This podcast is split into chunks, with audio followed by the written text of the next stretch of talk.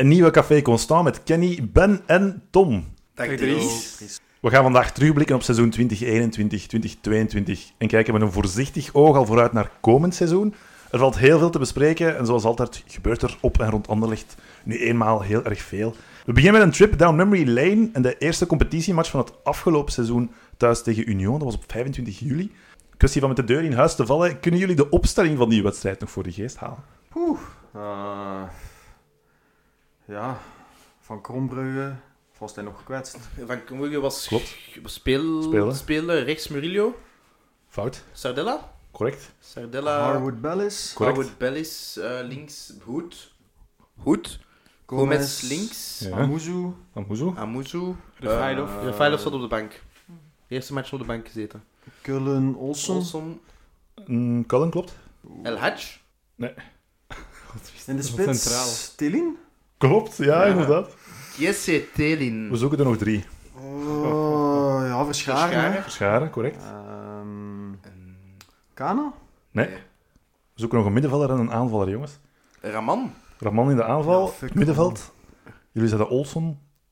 Uh, Ashimeru. Ashimeru, there Ja, zo go. waar.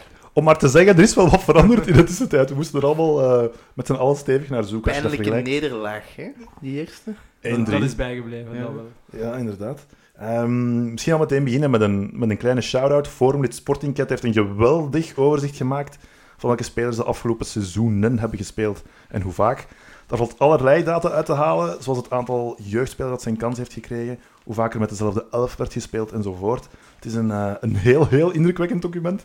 Dus een grote shout-out naar zijn inbreng is, eh, is zeker op zijn plaats. Ik had er meteen ook een interessante tendens uit in de vorm van een vraag aan jullie. In hoeveel procent van de wedstrijden van afgelopen seizoen werd er gespeeld met dezelfde elf? En ik zoek het percentage. 30. Goh, ik denk eh, met quasi elf zal het wel meer zijn, maar echt dezelfde elf, ik denk 10%. Oef. Nee, het was veel meer. Maar ik ga het niet zeggen, want ik heb het gelezen. Oh, je weet ervan. Oké, oké. Het is eh, 53 procent. Oké. Of 26 keer van de 49 wedstrijden die, eh, die werden gespeeld. Dat is nog altijd niet veel. Als je er logisch over nadenkt, ja, 50% kan wel, kan wel kloppen, want vanaf december is het eigenlijk zijn ploeg, eh, zijn vaste ploeg eh beginnen houden. Dus daarvoor heeft hij altijd veranderd, maar vanaf dan was het meestal hetzelfde, dus ja, dat is wel logisch. Redelijk weinig blessures naar het einde van het seizoen toe. Allee, Eh, tweede helft van het seizoen vooral. Ja. Ja, maar het was vooral... Ik, ik snap wel waarom dat ze gokken op zo'n lage percentage, want de jaren ervoor is het wel... En dat komt ook naar voren uit de prachtige analyse van Sporting Cat. Is het wel echt een, een gewissel geweest, constant. Zelfde, basisopstelling. Dus ik snap wel dat we, dat we daarmee in ons hoofd zitten, dat er, dat er veel gewisseld is En het geweest. verbaast me, want ik heb de indruk dat er redelijk veel spelers zijn die zo de helft van het seizoen gespeeld hebben. Voor een Ashimeru was de helft geblesseerd. eh, een Magalan heeft dan ook de helft gespeeld. Dus ja, het verbaast me toch wel dat... eh, Ja. Er zijn eh 10 spelers die effectief gestart zijn in ongeveer 65% van de matchen of meer. Het is misschien weer veel gokken dat ik doe in het begin van de, van de opname, maar ik had ook vragen wie zijn die spelers die meer dan 65% van de keer hebben gespeeld. Sowieso Kullen, want die heeft alles gespeeld, denk ik. Hè. Colin zit er zeker bij, ja, klopt. Gomez ook. Correct. Eh. Ehm, van Combrugge, Hm. Murillo. Klopt, Goed. klopt. Eh, Kwame. Mm, inderdaad, uiteraard. Kwame, Zirkzee, dat zijn de, de logische namen. En misschien Verscharen. Verscharen ook. Net, ja. We zoeken er nog twee. En die ik- Refailov. Rafaelov zit erbij. Die andere, is- je vergeet eigenlijk bijna dat hij in de kern zit, maar die heeft redelijk veel gespeeld Ehm, op het middenveld. Olsen inderdaad, ja. Maar uiteindelijk heeft Olsen tot net na nieuwjaar bijna altijd basisspeler geweest. Hè. Dan is Ashimeru... En eigenlijk ehm, is dan in één keer de, de revealing. En de, de- eigenlijk de eerste keer dat we een echt Ashimeru gezien hebben. Maar dat was wel voor bij mij genoeg om, om bij mij een van de drie spelers van het seizoen te zijn. Hm. Omdat we toen als Ashimeru erin kwam, zijn we echt goed beginnen voetballen. En is het echt beginnen draaien. En ook een van de weinige spelers die zich echt in de ploeg gespeeld heeft. Hmm. Ah, die een rechtstreeks concurrent eruit heeft gespeeld en niet bij wijze van toeval zijn plaats gekregen heeft. Hm. Het is waar, maar je hebt hem bij de spelers van het seizoen? De, de derde, ja. Ja, Voor mij maar wel. uiteindelijk heeft hij maar vijf. Ja, maar vijf omdat die impact gespeeld. zo groot was. Omdat de, Oké. ik, ik vond echt die matchen... Ik blijf er ook bij, mocht Ashimeru niet zijn uitgevallen... Natuurlijk. Ehm, ja, dan, dan denk ik dat we de beker gewoon winnen. Want het was echt zo de missing link in het, in het somste statische middenveld dat we wel hadden. Hè. Ehm, Ja, voor mij een van de... Ik hoop echt dat hij er dit jaar ook terug doorkomt. eh. Nee, ik, had hem, ik had hem staan bij, bij ontwikkelingen, Revelatie, evolutie ja. van het seizoen. Ja. Want eh ging, voor, ging voor mij in het begin van een speler van ik redelijk veel van verwachtte, naar toch wel een ontgoocheling met zijn invalbeurt, waar hij telkens heel veel balverlies reed en heel gevaarlijke fases. En dan toch, ja, wanneer je denkt van oké, ja, dat, wordt hier, dat wordt hier niks meer met die speler, dan toch plots een heel goed niveau halen. Dus, eh, Ik weet ook de eerste periode dat hij eh, gehaald werd. En ehm speelde hij zowel op rechts midden soms. En, en daar wisselde hij ook af en toe zo'n goede match. Maar ik weet nog die match op Antwerpen, dat hij die ook die fantastische goal maakt. Seizoen 2 onder Company. Op assist van Metja, denk ik, buitenkant Metja, ja. rechts. Ja. En dan die match, allee, dat zijn zo van die dingen dat je denkt van ja, en die kwam er nooit niet zo volledig door. Maar dan vorig jaar een, in, op toch een tweemans middenveld, waar dat je toch volume moet hebben, waar dat je toch... En daardoor kwam Cullen ook meer tot zijn recht als waterdrager. Terwijl naast Olsen, ja, naar de twee waterdragers, en ja, dat is een beetje te veel van het groeien op een tweemans middenveld.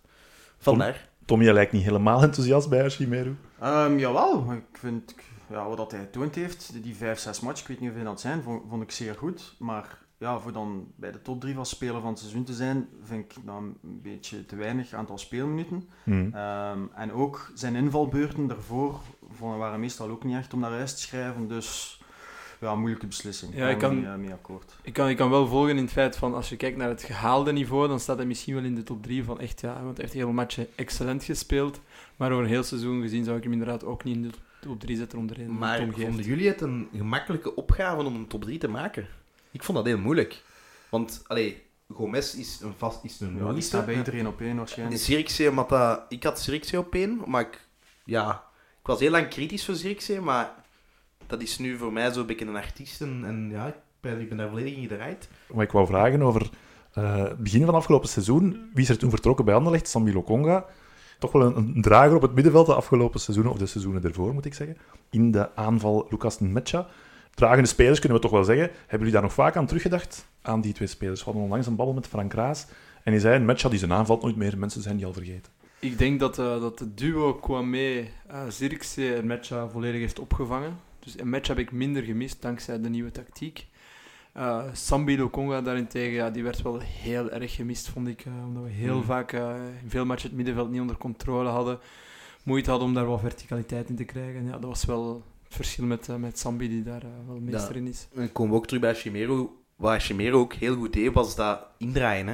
En dat Sambi ook. Hè. Sambi durfde met een man in de rug een bal aanpakken, durfde wegdraaien. Waardoor dat spel direct in een versnelling kwam. Herinner mij nog dat moment thuis in Antwerpen, bij Chimero zo wegdraait. En daardoor die Zirkzee alleen voor de goal zet. Door één simpele lichaamsbeweging. En dat is dat dynamische. En Sambi was gewoon ja, de stijl van het huis ook. En een geleider, hè. En Die dat kan- is, ja, dat hebben we denk ik in de, in de playoffs wel teruggezien met Kano, die dat eindelijk ook een beetje begon te doen. Dus daar werd dan eindelijk een beetje het gemis van Ashimero wel opgevangen. Maar eh, ja, het was wel in heel eh, veel matchen Bij een afwezig. matcha ben ik niet 100% akkoord, want ja, die twee hebben dat iets of wat opgevangen, maar ze hebben nooit niet individueel hetzelfde niveau gehaald zoals dat een matcha vorig seizoen gehaald heeft. Hè. Ehm, terwijl dat eigenlijk matcha geen diepe spits is, denk ik, volgens mij. Bij Wolfsburg heeft hij daar volgens mij ook niet altijd gespeeld, beetje er rond. En bij ons heeft hij vorig jaar alleen de aanval gedragen. Eh, veel doelpunten gemaakt, belangrijke doelpunten Veel gemaakt penalties, hè. ook. Terwijl dat eigenlijk afwerken niet zijn belangrijkste kwaliteit is. Dus moesten we in deze nog gehad hebben, eh, dit seizoen, ja, dat is natuurlijk compleet anders. Maar ik vind, vind- toch dat hij een hoger niveau haalt heeft dan Zirkzee en Kouame. Ik vind het spijt dat ik hem nooit in live heb zien spelen. Met ja, door corona. En dat, dat geeft toch zo'n een, een andere indruk over een speler.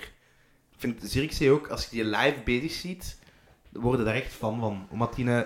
En op tv kan die echt ergeren, want dan... Ja, maar je Ja, ziet ik, dan... hoor, ik hoor de horendol van Ja, maar, maar en een match heb ik nooit live zien spelen. En tuurlijk was dat een klasbak. Hè. En tuurlijk is dat... Ja... Maar ja, ik, zou, ik, zou, ik ben hem nu niet vergeten. Dat is Nee, wel- maar het is, het is niet zonder niks dat, we ook, dat ik twee spelers noem. Hè. Ze hebben met twee en Metja vervangen. Het is niet dat één van de twee, inderdaad, dat één van de twee heeft hem niet vervangen. Het is de twee Ja. tezamen hebben wel dat gemis opgevangen. Ik denk dat Company gewoon met die kern iets, een oplossing gezocht heeft om goed voetbal te brengen. Of om doelpunten te creëren. En zowel Kouame als Zirkzee profiteerden van elkaar. Eh Zirkzee van het vuile werk van Kouame. En, en Kouame van, van de genialiteit van hè. Eh, zo simpel is. En ik denk dat dat een pluim is naar Company, dat hij niet Hmm. heeft vastgehouden van oké, ik ga mijnzelfde systeem blijven spelen. Met één van die twee, eh, waar dat waarschijnlijk niet zou werken, dat hij wel gezegd heeft van oké, ik weet dat het moeilijker zal worden, dus ik zoek een andere oplossing, zijn de twee spitsen. Ja. We gaan eh, chronologisch door het seizoen lopen. Ik ga stilstaan bij een aantal tendensen en opvallende wedstrijden van het afgelopen seizoen. Eh, we gaan beginnen met die twee wedstrijden tegen Vitesse in de voorronde van de Conference League. Ter info, Zirkzee komt naar Anderlecht begin augustus en speelt dus mee in die twee wedstrijden. Kwame werd gehaald eind augustus en doet niet mee tegen eh, Vitesse. Zat in de tribune toen, na, bij de thuismatch. Het was een soort spektakelwedstrijd Ja. die op 3-3 eindigt. Ik vond die eerste helft eigenlijk heel vermakelijk. Maar dat was op zich een, een toffe match. Hè. En, en ik, ik weet tegen Vitesse, de thuismatch was, heel- was oké. En daar moet je je eigenlijk je eigen ook belonen. Want je gaat daar door die fout van Hoed, dat Tom balverlies. Ik vind dat, eh, of het staat daar fout in, denk ik. Het was een van de twee. Dan dat schot van het buiten de carré, dat van Krombrugge. Misschien, ja... Als hem, ik denk dat ze twee maanden later pakt hem. Want in het begin van het seizoen was ze nog niet op zijn top. Want het was ook een zondagschot. Ja, Voilà, maar- voilà, het was een verderzetting van het seizoen ervoor, waarbij iedere keer zo Ja. die bal binnenvloog. hè. Dat, in de loop van het seizoen is dat weggegaan, maar op die moment was inderdaad dan- nog in die situatie waar zo die schoten gewoon altijd binnenvliegen. Wat ik ook nog herinner is, is Raman die daar die opgelegde kans mist. En dan laatste minuut eh, bal op, die bal op de lat. Allee, Ja. nee. Ja, de penalty, Penalty penalty van de Rafael lat, op de lat, dat was het ergste. Ja, Maar dat we was hebben echt, daar eh, ongelooflijk veel pech gehad. Hè. Ja, maar- Vitesse thuis. Pech en je maakt het niet af. Ja, tuurlijk, maar ze komen twee keer over en ze schieten hem twee Ja, keer maar binnen dat is van op voetbal, afstand. Tom. Dat, Ja, is- dat vind ik nu geen pech, dat is voetbal. nee, Allee, dat is, ik vind dat, speelt die match nog tien keer en dan wint hem Dat zeven weet of ik niet. keer. Ja, ik, vind, ik vind gewoon dat je op die moment kwaliteit mist om het af te maken. Het seizoen ervoor hebben we heel veel van die matchen gezien waar dat je zegt van ja, speelt hem nog tien keer winnen, Ja. acht keer, maar we verloren of we spelen wel elke keer, elke Ja. keer gelijk. Dus nu denk ik dat het anders is, maar begin vorig seizoen zat we echt nog wel in zo'n beetje... Ik denk dat het heel mentaal is, maar daar zat nog een beetje in dat geval waar je effectief al veel beter moest zijn om Mhm. die matchen te winnen. Ja, het is niet zwart-wit, maar het is een deels geluk en deels kwaliteit. Ja, een penalty missen, dat is gewoon bij dat op die moment gebeurt. Hè. Ja, maar kom.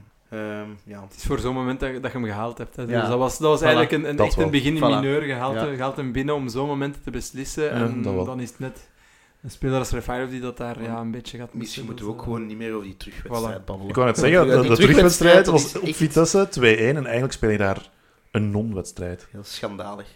Hoeveel was dat? Was dat twee? 2-1. 2-1 voor Vitesse. Ehm, maar Weet, je, weet er iemand met welk spitsenduo dat we daar de match eindigen? Dat stond er sowieso in. ook met Telin weer. hè. Ja. ja. Telin en eh, Dala. 2-1, maar volgens mij ja, het was dat een zeer slechte wedstrijd. Maar het niet, was niet zo dat wij zo onderlagen. Dat was gewoon 50-50. Hè. Gewoon onmachtig. Het begint al bij die corner, hè. bij die eerste goal. Oké, die shot je daar ook weer op een manier binnen dat... dat Voilà, Tegenzien. was weer zo'n maar, maar dat is ook puur concentratie, want die corner wordt kort genomen. Daar staat er in de verste verte niemand bij die een tweede man. Er moet altijd twee man bij staan. Ja, En dat is, dat is typisch... Zo, dat dwingt af, hè, Tom. ja, dwingt maar- af. Maar toch, als hij dat nog tien keer probeert, ja, gaat hij geen nee, enkel je keer bent niet scherp. Je bent gewoon niet scherp. Ja, En, en dat is iets dat je... Je moet dan die match beginnen met, met dat mes tussen de tanden, want je weet, jongens, dat gaat hier over... En dat, ik kan niet begrijpen op dat niveau dat je daar dan staat te slapen. Dat is onvergeeflijk. ja. Ja, dat Ja, is... ik denk dat dat een beetje is wat we, wat we vorige week ook besproken hebben. Van ja, we waren er toen niet klaar voor. Hopen dat we dit seizoen er wel klaar voor gaan zijn. Dat we niet, dat we niet opnieuw Vitesse gaan eh, te zien Heb krijgen. jij vorige week nog een podcast gedaan, Ben? Moet... Vorige, vorige Ah, oké. aflevering. Ik dacht dat jij iets moest vertellen. Even naar de concurrentie geweest of zo? Ja, Kenny, je hebt er vaak naar gerefereerd. Tom, ik kijk nu even naar jou. De, begin vorig seizoen, Anderlecht was gewoon niet klaar om die wedstrijd te spelen. Nee, ja, en dat is nu het voordeel van dit seizoen. Allee, zo ziet er toch naar uit dat er al bepaalde spelers gehaald zijn, bepaalde profielen gehaald zijn. Maar op die moment uh, wat geen spitsen, gelijk dat Kenny zei, uh, met Darda en met Telin in de punt. Ja, dat is, dat is, dat is vrij rampzalig. Als je natuurlijk zonder, zonder spitsen en zo'n belangrijk tweeluik moet beginnen, dan zijn al onthoofd voordat het begint uiteindelijk. De ploeg daar rond was, trok ook eigenlijk ook niet veel. Um, dus, dus ja, ik denk dat ze er wel uit, geleerd hebben en dat, dat dit seizoen beter is. Het ging daarnet over, uh, over Zirkzee. De speler die hij was de laatste maanden van de competitie was niet meteen te vergelijken met de speler die hij was in zijn eerste weken of maanden op Anderlecht. Ik heb er nog een leuke quote van, van een van onze eerste podcastopnames. Kenny, jouw mening over Zirkzee toen? Ja, die kerel, als hij niet oppast, hij zit bij Anderlecht nu. Hè. Hij komt van Bayern München, hij is uitgeleend in Italië ik hoop dat hij het zelf beseft dat de, dat de laatste kansen stilaan gaan komen. Of het wordt gewoon een kwakkelcarrière. Hè? Het zou een kwakkelcarrière worden, Kenny. Dat kan nog altijd. Allee, ik blijf daar wel... Steekt jij je hand daarvoor in het vuur dat hij uh, veel hoger als Anderlecht carrière maakt? Ik sta daar volledig achter. Ik geef je 100% Ja. gelijk. Ik steek daar totaal mijn hand niet voor in Nee. het vuur. Want uh, Ajax worden genoemd, Mhm. dat lijkt mij veel te hoog gegrepen. Ja, ook gewoon omdat Ajax mee in de spits speelt. En dat is hij niet. Hij is geen diep spits. Nee. Ja, ik, ik snap wel uw uitspraak van, van toen, wat ook volledig waar was. Want in het begin van het seizoen was hij heel nonchalant en daarna heeft hij zich wel geweldig herpakt. Nu natuurlijk, dat is, een- dat is een half seizoen. Zoals we weten maakt dat een carrière niet. Dus het is aan hem om de juiste keuze te maken naar volgend seizoen toe, denk ik. En juiste te bevestigen. Ik- Ajax zou ik ook inderdaad niet zeggen, dat is nog een stapje te hoog, denk ik. Anderlecht of een, een middenmotor in een grotere competitie. Ja, maar daar komt het al middenmotor. Bij Anderlecht speelde... Wij spelen met Company, met een coach die voetbal wou brengen. Je waart een offensieve ploeg. Zet Zirkzee in een defensieve ploeg die moet knokken. En je zet daar denk ik heel weinig mee. Dus je zegt al middenmotor. In welke competitie dan? In, Ja, die- Moet dat ergens in Spanje zijn of, of waar dat er gevoetbald wordt? Ik zou, ik zou een beetje nuanceren, iets rond de top 6, eh, Ja. top 6, à- 6 à 10. Een ploeg die toch wel eh Die voetbal speelt heeft. en die, die, die, die zeker en vast. We zullen het zien. Allee, ik zou hem graag... Want het niveau Anderlecht kan hij zeker aan. Hè. En voor de Belgische competitie is dat absoluut een, een meerwaarde. Maar ja, in Nederland zal dat ook nog lukken. Hè. Want bij een Ajax zal hij wel meedraaien. En in, maar dat het daar nu de man gaat worden, of dat hij daar... Ja, dat- Haller zal hem inderdaad niet één op één kunnen vervangen. Nee, dus ik, totaal nog ik denk dat Ajax hem eerder als een backup optie of een, ah ja, een reserve optie Mhm. ziet dan als Bij eerste Feyenoord spits. misschien, AZ, zoiets. Ja, zoiets, ja. Want, want ik heb mij in het begin van het seizoen ik heb mij kapot geërgerd aan Zirkzee. Ja, het is een, iedereen is daarover eens. Het is een fantastische voetballer. Je ziet dat zijn bal doet, dat hij supergoed kan voetballen. Maar het is ook efficiëntie. Hè. De twee op de drie ballen is hij kwijt. Dus als je daar vooraan eh, als, als, als kapstok moet fungeren. Ehm, en een ploeg kan nooit niet opschuiven. Maar het moet wel zijn, Ehm, op het einde van het seizoen was hij daar veel in verbeterd. Denk natuurlijk ook wel onder de beleiding van, van Company, want eh, in de documentaires konden we wel zien dat hij Hm. daar serieus achter zat, Company. Ehm, en dat was wel verbeterd, maar ik zie er nog altijd, denk dat het nog altijd een beetje te weinig is om, om een stap hoger op te Het is zetten. natuurlijk ook zijn eerste seizoen als echt profspeler geweest. We verwachten misschien veel van die jongen, want het komt van Bayern en zijn leeftijd. Het is geen 17-jarige, wat tegenwoordig de norm is op Anderlecht als je in de eerste ploeg komt. Lag de lat misschien ook wat te hoog in het begin en is het niet normaal dat hij wat stappen heeft moeten zetten. Want Ajax te hoog gegrepen, de Nederlandse competitie. Goh, Ik denk dat de lat niet te hoog lag voor zijn voetbalkwaliteiten. Ah, want dat hebben, we- dat hebben we van in het begin gezien, dat hij wel kon als hij wou. Dat eerder bij hem een mentaal gegeven is dat hij er zelf eh, ja, dat hij aan 100% moet spelen en niet aan 90%. En dat hij ook aan 100% moet spelen gedurende 90 minuten en niet gedurende 30 minuten. Dus Ja, maar ehm je zegt eh, niveauverschil, maar ehm, tussen, tussen Bayern München en Anderlecht, allee, het niveauverschil is zodanig eh, groot dat ik vind dat de tweede of derde spits van Bayern München wel een meerwaarde zou moeten zijn ehm, voor Anderlecht. En dat heeft hij bij Vlagen getoond. Ja, echt, ik zei het, eh, mooie balcontroles, maar ik, vind, ik, vond, ik vond het teleurstellend. Ik had er eigenlijk meer van verwacht. ja, hij zit toch aan een goal of 16, 17 denk ik. Dus eh, ik denk als je puur op statistieken gaat kijken en op zijn goede acties, dan is het wel, dan is het wel, eh, hij het wel naar, naar, naar norm eigenlijk. van mij mag die blijven voor komend seizoen. Van Tom ook. Nee, ik denk dat we sowieso beter kunnen halen dan... We gaan een truitje van Zirkzee voor Thomas hebben. Dus dat is waar deze afgetikt. eh. Oké, afgesproken. In de competitie, helemaal in het begin, waren er veel wisselende opstellingen en ook veel wisselende resultaten. Je start eigenlijk met een 7 op 15. Je wint wel van Cerkelen, waar uh, Zirkzee trouwens twee goals maakte. Je wint thuis ook van. Serij. Eh, je speelt gelijk op Eupen en je verliest van Union en op, en op Racing Genk. Op Genk maakt Kouamé dan weer zijn debuut. Leek toen een speler die zeer dynamisch was, met heel veel diepgang. En techniek. Opvallende dribbles en techniek, ik wou het net zeggen. Weten jullie nog jullie eerste indrukken van die speler op basis van die, van die Ja, Dat is wedstrijd? niet goed, hè? Jawel, jawel. Dat, op Genk viel hij, viel hij, viel hij goed in. Ja. Die deed direct twee, drie goede acties. Ik dacht, wat hebben wij hier gehaald? Ja, maar zijn, ja. Stijl, zijn stijl daarentegen was, eh, was niet positief. Hè? Ja, nee, maar kijk. Op Genk doen we ons ook wel redelijk dramatisch, hè, die match, denk ik, als ik me nog goed herinner. Je moet die zeker niet verliezen. Je mag die zelfs winnen, maar je verliest weer met zo'n late goal van Ugbo, was dat denk ik Ja. daar. Wat mij vooral ja. opviel bij Kwame was wel dat hij voor zijn, voor zijn lengte wel bewegelijk was. En dat is altijd wel mooi meegenomen. Ik denk dat we in het verleden wel eh, Heel gelijkaardige spitsen hebben gezien, Ja. maar dan zonder de bewegelijkheid. Zo'n Veselinovic of zelfs een. Telin, ja, Santini. Mannen van wie dat je ziet, ze komen op het veld en ze raken eigenlijk al niet vooruit. Ja, dan, dan oké, nu Kwame, techniek niet alles, maar je ziet tenminste dat hij vooruit Die- raakt en dat bal bij. bewegelijk is. Power, ja, voilà. power, werkkracht, ballen bijhouden, knokken, Ja, vieze meters. Ja, nee. Heel nuttige speler gewoon. Hè. De kwaliteiten die Zirkzee niet toonde in het begin, Voilà. toonde Kwame en vice versa. Ja. de vergelijking met Zirkzee, ja, die twee die moesten elkaar een beetje aanvullen, maar ik denk dat Kouame voor de ploeg eh, veel efficiënter was dan, dan Zirkzee. Want hij, vuile meters, ja, clichés, eh, gaten trekken, maar hij hield wel de bal bij op de moeilijke momenten. En af en toe wel een doelpuntje meeprikken, alhoewel dat soms meer geluk dan kunde was. Ehm, maar ik heb hem dan toevallig wel in mijn top 3 gezet.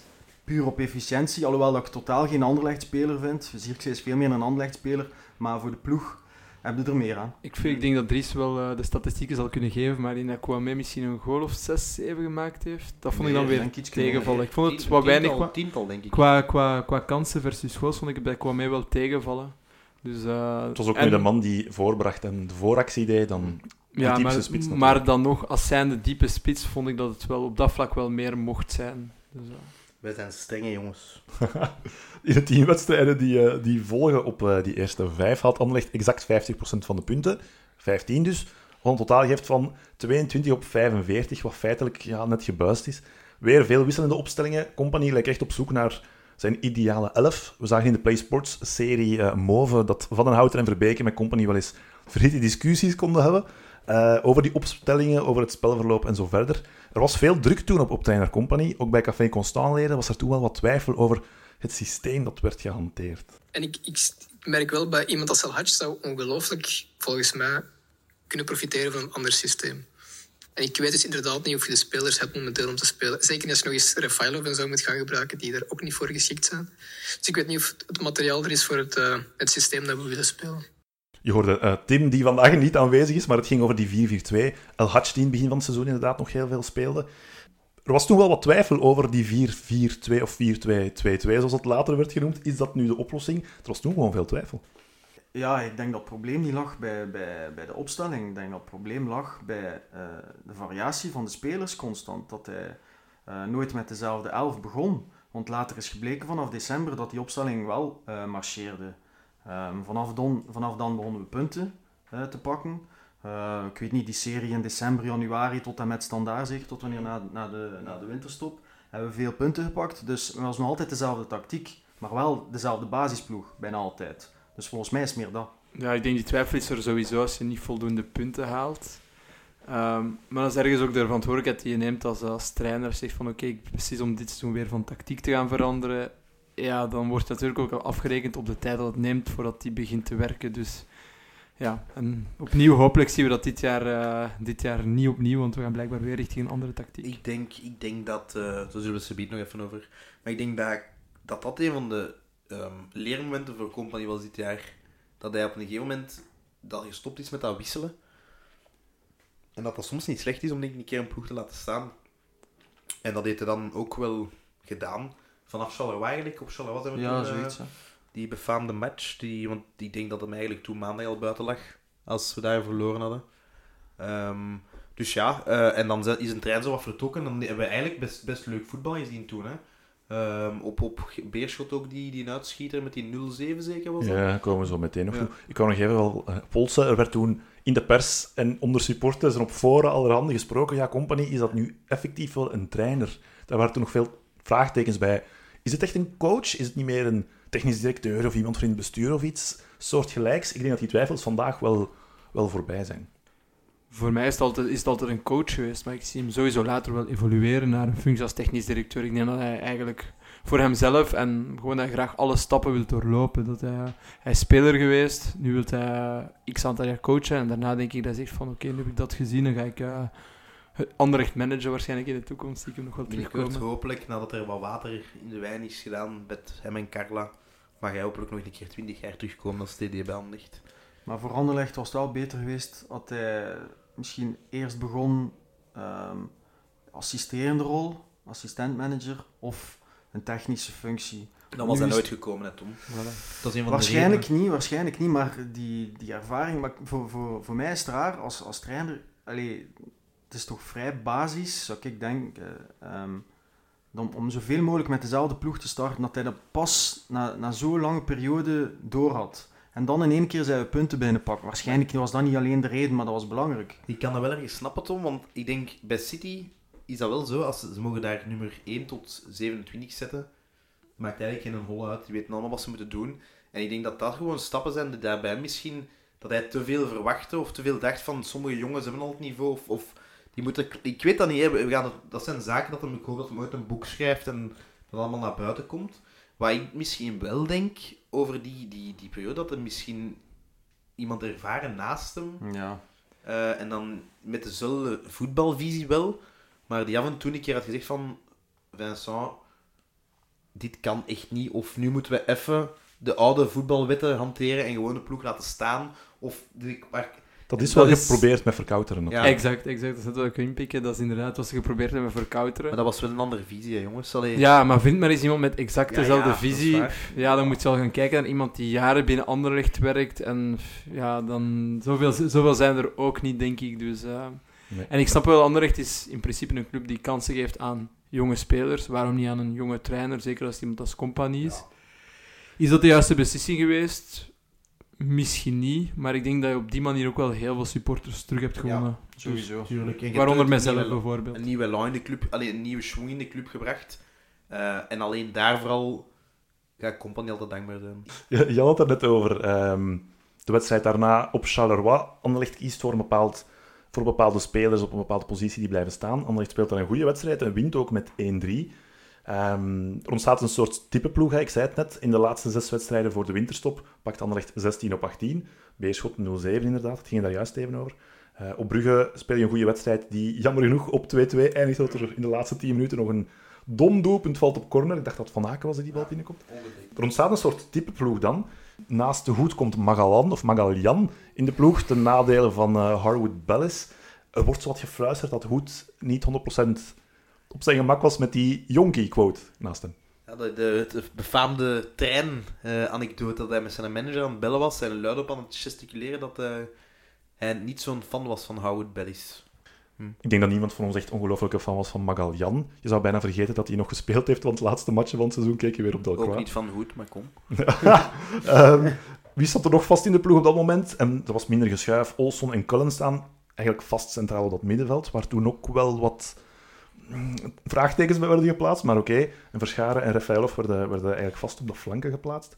Daarvoor was er veel verschuivingen, hè. of waren er veel verschuivingen. Sardella, Kana, Shimeru, El Hadj, Amuzu, Howard in de ploeg, uit de ploeg, in de ploeg, uit de ploeg. Er ontstaat een soort eh, ja, vaste ploeg. En je gaat de winterstop in met eigenlijk een goed gevoel en het idee, Anderlecht is komende en gaat misschien zelfs wel meedoen voor de prijzen. Maar ik herinner me die periode nog. ehm, ja, ik denk dat we nu wel met elkaar over eens zijn dat Rafaelov een beetje passé zeker de laatste maand. Maar die periode heeft hij wel veel belangrijke doelpunten gemaakt. Ehm, en, en heeft ons een beetje doorgesleurd. En, doorgesleurd. en inderdaad, eh, die match eh, tegen Standaard daarvoor ehm, kregen we allemaal hoop dat er misschien iets meer ging in zitten. Maar dan in, in die befaamde match eh, verliezen we of spelen we gelijk 0-0. Eh, of 0-1. Was het 1-1 na die blunder van 1-1, Gomez zeker? hè? eh, als het niet gewonnen. En daar is het een beetje man. gekanteld weer. Hè. Ehm, Nee, Go- Dat is nee, tegen Standaard, Standaard. Met Gomez die eh, daar die dramatische ja. terugspeelbal geeft. en daar hebben we uiteindelijk, het zal misschien weer op hetzelfde neerkomen, hebben we ook pech gehad. eh, kansen niet afgemaakt. En eh, dan een individuele fout van Gomez. En dat was een beetje het kantel, kantelmoment. Omdat we misschien daarachter konden doordrukken voor... Alhoewel, plaats 2 of 1 zou het, zou het waarschijnlijk ook niet eens Ik denk- zijn. ja. Gewoon veel knullig puntenverlies. Je hebt Oagel thuis ook nog, dat we daar dan dom punten verliezen. Die Cercle 2-2 thuis. onnodig, zeker 0-2 na die rode kaart van Hoed. Ja, dat is, we spreken al over, dat is al bijna zes punten dan, hè, dat je... Allee, en dat is een beetje te veel ja, in periodes. Je mist je start. Dan heb je die januari-periode waar dat je terug precies uh, wel achter de feiten aanholt. Ja. Jullie zijn meteen al bezig over na de winterstop. Tijdens de winterstop vertrekt hij, die Harwood Bellis trouwens. Op dat moment zelf vond ik dat wel jammer, want ik vond het op zich wel een degelijke verdediger, met ook goede flair en uitstraling enzovoort. Op dat moment kwam ook wel, eh, kwam wel Delcroix terug, dus eh, ik heb er niet echt te zwaar aan getild. Ik vond dat een degelijke verdediger, moest hij uit eigen jeugd komen, zou ik zeggen, ah, leuke speler. Maar op die moment denk je van, oké, als die jongen niet nodig is, ja, is een huurspeler, laat hij maar terug vertrekken, maak plaats voor, eh, voor De Bast en voor Delcroix uiteindelijk. Ik vind het eigenlijk raar dat Hoed liever met Magalan naast hem speelt dan met die Howard Bellis. Want daarmee kon het toch een beetje aan de oorlog. Oké, hij heeft wel een paar opzichtige... Allee, hij is op het forum ook wel redelijk afgemaakt geweest, Howard Bellis, door een paar... Maar ja, ik vond, ik vond dat eigenlijk twee... Allee, ik vind Hoed en Howard Bellis redelijk vergelijkbaar. Het zijn twee risicopatiënten waar dat ik eigenlijk... Ja, Valt te zien in hoeverre dat, dat verhaal Ja. natuurlijk waar is. Hè. Dat is eh, ja. Maar Ik vond Magellan eigenlijk wel meevallen bij die eerste matchen. Ja, dat was het altijd trillen als hij aan de bal kwam. En in balbezit is het altijd de ramp geweest. Maar uiteindelijk heeft hij hem vrij goed herpakt. En was hij vrij zeker, vond ik. Ehm, en haalde toch een iets hoger niveau dan, dan, dan uh, Harwood Bellis, die niet opzichtig in de fout ging, maar soms kleine details uh, miste. Ja, misschien heb ervaring dan. Maar ik zag Magalan toch ook heel vaak domme fouten maken, die onbestraft bleven ook soms. Een paar keer heel goed weggekomen. Ja domme, domme duurfouten, raar in duel. Hij maakte vooral in zijn eerste wedstrijd dat hij speelde fouten die meteen ook een tegengoal opleverden, dus dat viel wel En bleef wel staan. Ik vond eigenlijk vooral dat dit seizoen ons centraal duo eigenlijk zelden echt het uh, probleem was. Um, het probleem lag voor mij hoger op het veld en of daar nu Magalan of Howard Bellis stond, dat maakte voor mij niet zoveel uit. Ze hebben allebei fouten gemaakt, waarschijnlijk ook door een gebrek aan wedstrijdritme en zo. Natuurlijk, toen de Boston Delcroix speelde, was het niveau wel nog iets hoger. Maar voor mij, nog Magalan, nog Harwood Bellis zijn een negatieve of positieve factor geweest dit seizoen. Maar ik vind wel dat het niveau daar wel nog hoger mag. Ik vind dat zo'n Delcroix die straalt veel meer bedrijfszekerheid uit dan een Hoed ooit zal doen. Niveau kan inderdaad hoor, maar ik vind uiteindelijk wel dat het goed beleid geweest is, centraal in de verdediging, dat Anderlecht uh, gevoerd heeft uh, vorig seizoen. Door twee spelers te lenen, omdat ze wisten dat Delcroix geblesseerd was en de Bast ging aankomen. Dus dan moet je daar niet eigenlijk nog een nieuwe speler halen en veel miljoenen smijten, omdat goed, ja, kun je zeker voor zijn loon iets meer van verwacht, maar uiteindelijk was dat wel een van onze betere verdedigers en heeft hij wel, ik vond, ik vond die vrij degelijk. Heel, helemaal mee akkoord. En ik denk dat ook een gegeven is, al twee seizoenen meedragen, is dat we vaak spelers hebben die een aantal matchen goed zijn, dan weer een zware terugval kennen. En dan zijn er op dat moment weer een paar andere spelers die goed zijn. En, ja, en heeft wel een stabiel niveau gehaald. Dat is wel correct. Daar kan ik mij wel in vinden. En zeker zijn kopkracht is ook een wapen. Defensieve kopkracht, ja, klopt. Uh, hij kan wel een lange bal, een crossbal geven ook. Uh, uitvoetballend is het ook zeker niet slecht. Dus, ja. ja. Ja, het kan erger, deze prijs dat ervoor betaald wordt, dat over gediscussieerd wordt. Dat is ook dat bij mij het meeste wringt. Dat dan een groot verdiening op pan ligt, dat kan ik niet plaatsen, maar bon. Maar als je volgend seizoen met drie centraal van achter speelt, goed, Delcroix, De Bast, ja, veel, veel hoger kunnen we toch niet verwachten momenteel, We gaan ze bieden op die, die 3-5-2 terugkomen. Zeker. Na de winterstop start je inderdaad met een valse noot. Hè, dat 1-1 gelijkspel thuis tegen Standaard dus. RSCA begint na de winterstop met een 4 op 12 na verliespartij tegen ook nog eens Cerkelen. En uiteraard weer op Union. Dat gelijkspel van Standaard en een, een verdiende winst op Mechelen nipt wel met 0 als ik me goed herinner. Niet veel overschot op het scorebord, maar het veldspel was daar op zich nog wel oké. Tot dan op het seizoen haal je 45 op 75, wat ongeveer 60% van de punten is.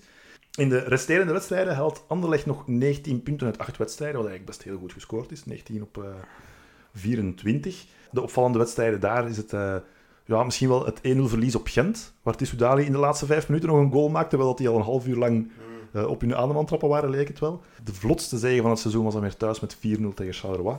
En uh, thuis win je ook met 2-0 van Genk. Verscharen krijgt toen het nummer 10 en scoorden ook. En, Mooie goal. Ja. Zeker. En net als Achimere, die uh, vast in de ploeg kwam ten koste van Olson. Ineens heb je diepgang en begint het spel weer beter te flowen en leken ze vertrokken. Mag ik iets zeggen over die match op Gent? Graag. Voor mij vat dat eigenlijk perfect ons seizoen samen, die match. Je, Snap ik. Die speelt... De eerste helft is niet goed. Je gaat mee in hun spel is denk ik een, een match die 50-50 is. Er zat niks in, er was ergelijk veel fouten, weinig geen tempo, geen tempo. En dan na de rust neemt het spel volledig in handen. Heb je drie, vier goede kansen. En Gent komt één keer voor de middenlijn. Goede pas van Kums. Deksel op de neus. Deksel op de neus. En Tissoudali werkt dat perfect af. En dat is zoiets van... Dan, en dan blijven zitten daarin... Want ik heb, dan, dan zitten daar voor hun tv, thuis in met zetel ook een fout om die match thuis alleen te kijken. Ik ga het me niet vergeten. En dan denk je van, fuck. Allee. En dat vat het. En, en ik, ik, ook zelfs het gevoel een beetje van de periode onder Company. Zo het net... Allee, het wel... Bij momenten pieken, gemiste kansen. En, en ja, die bekerfinale is daar ook weer zo een voorbeeld van. En dat vat het voor mij zo wat perfect samen. Je speelt die mannen in de tweede helft eigenlijk gewoon weg. Hè. Uh, je hebt drie, vier goede kansen en ja, pijnlijk. Wat daar dan jammer aan is, ik spring nu een beetje vooruit, maar het gaat nu toch over Gent. Uh, je speelt een paar weken daarna de bekerfinale. Je speelt een heel goede tweede helft op Gent, dus je verwacht, we kunnen dat wel herhalen tijdens die bekerfinale. En dat was, er is al veel over gezegd geweest, dus we moeten daar misschien niet te lang bij stilstaan. Want die bekerfinale was misschien een van de grootste ontgoochelingen van het afgelopen seizoen. Ja, we weten allemaal denk ik dat Hein van Hazenbroek tactisch wel een sterke trainer is. En ik denk dat hij ook heel goed die tweede helft ontleed heeft.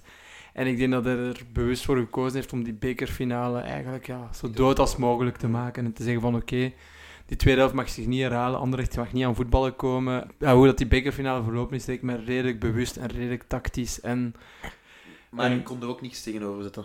Voilà. Nee, want als er één ploeg, Ja. ploeg moest winnen, was het uiteindelijk wel hen. Ja. het was 55, 45. Ja, ja, het was, het was, het was bij elkaar. Ja. die afgekeurde goal.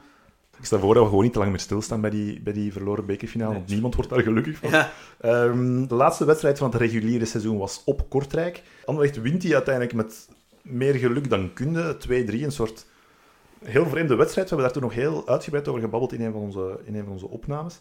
In totaal van 34 speeldagen haalt Anderlecht 64 punten, wat ongeveer 65% is van totaal. Een aantal opvallende vaststellingen toch wel. 54% van de tijd staan ze maar in de top 4.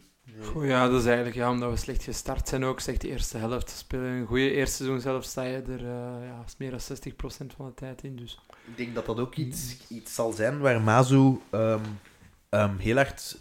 Hij gaat niet zoals Company achter de feiten mogen aanhouden. Ja, Want hè? hij gaat, hij gaat van in het begin heel hard onder het vergrootglas liggen. En dat is iets wat Company wel twee seizoenen heeft mogen doen, slecht beginnen. Hij heeft het uiteindelijk dan wel gered op het einde van het seizoen. Maar ja, het is wel altijd aangekomen op die laatste matchen. We moesten die laatste twee, eerste seizoen 2 moeten we 12 op 12 pakken. We doen dat dan ook. Dus het is... Het is Maar het is zoals je daar net zelf al zei, het is omdat we heel eh, inconsistent Mm. zijn in onze resultaten. Als je een beetje, een beetje, eh, een beetje meer, een hoger gemiddelde haalt, eigenlijk, dan verlies je iets minder punten doorheen het seizoen en dan heb je die eindsprint niet. Dus het is opnieuw dat, zo dat, eh, het is wel- het wisselvallige van de ploeg. Het is wel ook bewezen, in België moet je vanaf speeldag één punten pakken om je te doen voor een titel. En wie dat in begin van een goede reeks kan neerzetten, die heeft een, dat is ook wat Union heeft gedaan. En die waren heel sterk vertrokken. Ja, Brugge heeft het dan ja, wel ingehaald met een heel sterk reeks. Maar Brugge heeft consistent veel meer punten gepakt tijdens het seizoen door heel slecht voetbal weliswaar. Maar ze wonnen wel. En ze wonnen wel met die 1-0 of met die 2-1. Metier. Met G, ja, En- ervaring, ja. Dat is, of, ah, ja. En dat is iets dat wij, wij waren weer niet klaar. Hè. En dat is, dat is ook wel iets dat je het, het, sportief beleid wel mocht aankaarten. En dat weten ze binnen de club ook wel, dat de vorig seizoen de, de ploeg was niet klaar op tijd. Hè. De- we hebben ook wel al vernomen van Bon in de club, dat ze dat ook wel toegeven. Dat dat compagnie eigenlijk wel niet werd aangevreven, gelijk Vitesse en zo. Want ja, Dus daardoor kreeg hij dan ook wat meer tijd. Ja. Want ja, de start was niet goed, dus eh, moest dat niet het geval geweest zijn, moest hij met een volledige kern, eh, kern die volledig klaar was, begonnen zijn, zou hij waarschijnlijk niet zoveel tijd gehad hebben, tot en met december.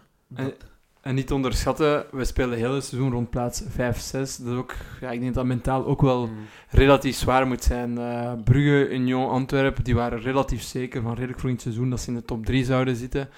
Wij daarentegen, het was continu kijken van oké, deze week we hebben gewonnen, wat heeft de rest gedaan? We hebben verloren, wat heeft de rest gedaan? En zo tot de laatste speeldag, de laatste weken, continu eigenlijk bibberen.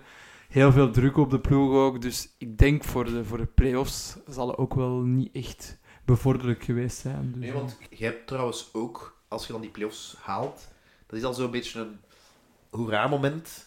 En je weet, na een ontlading komt altijd een ja, Decompressie. decompressie. En zo begint ook weer aan die play-offs. Hè. Dat is, je hebt dan ook die bekerfinale nog tussen dat je verliest. Het was vooral dat, hè. Ja, een combinatie van de twee. Maar gelijk, vorig jaar ook al, ook play-off 1.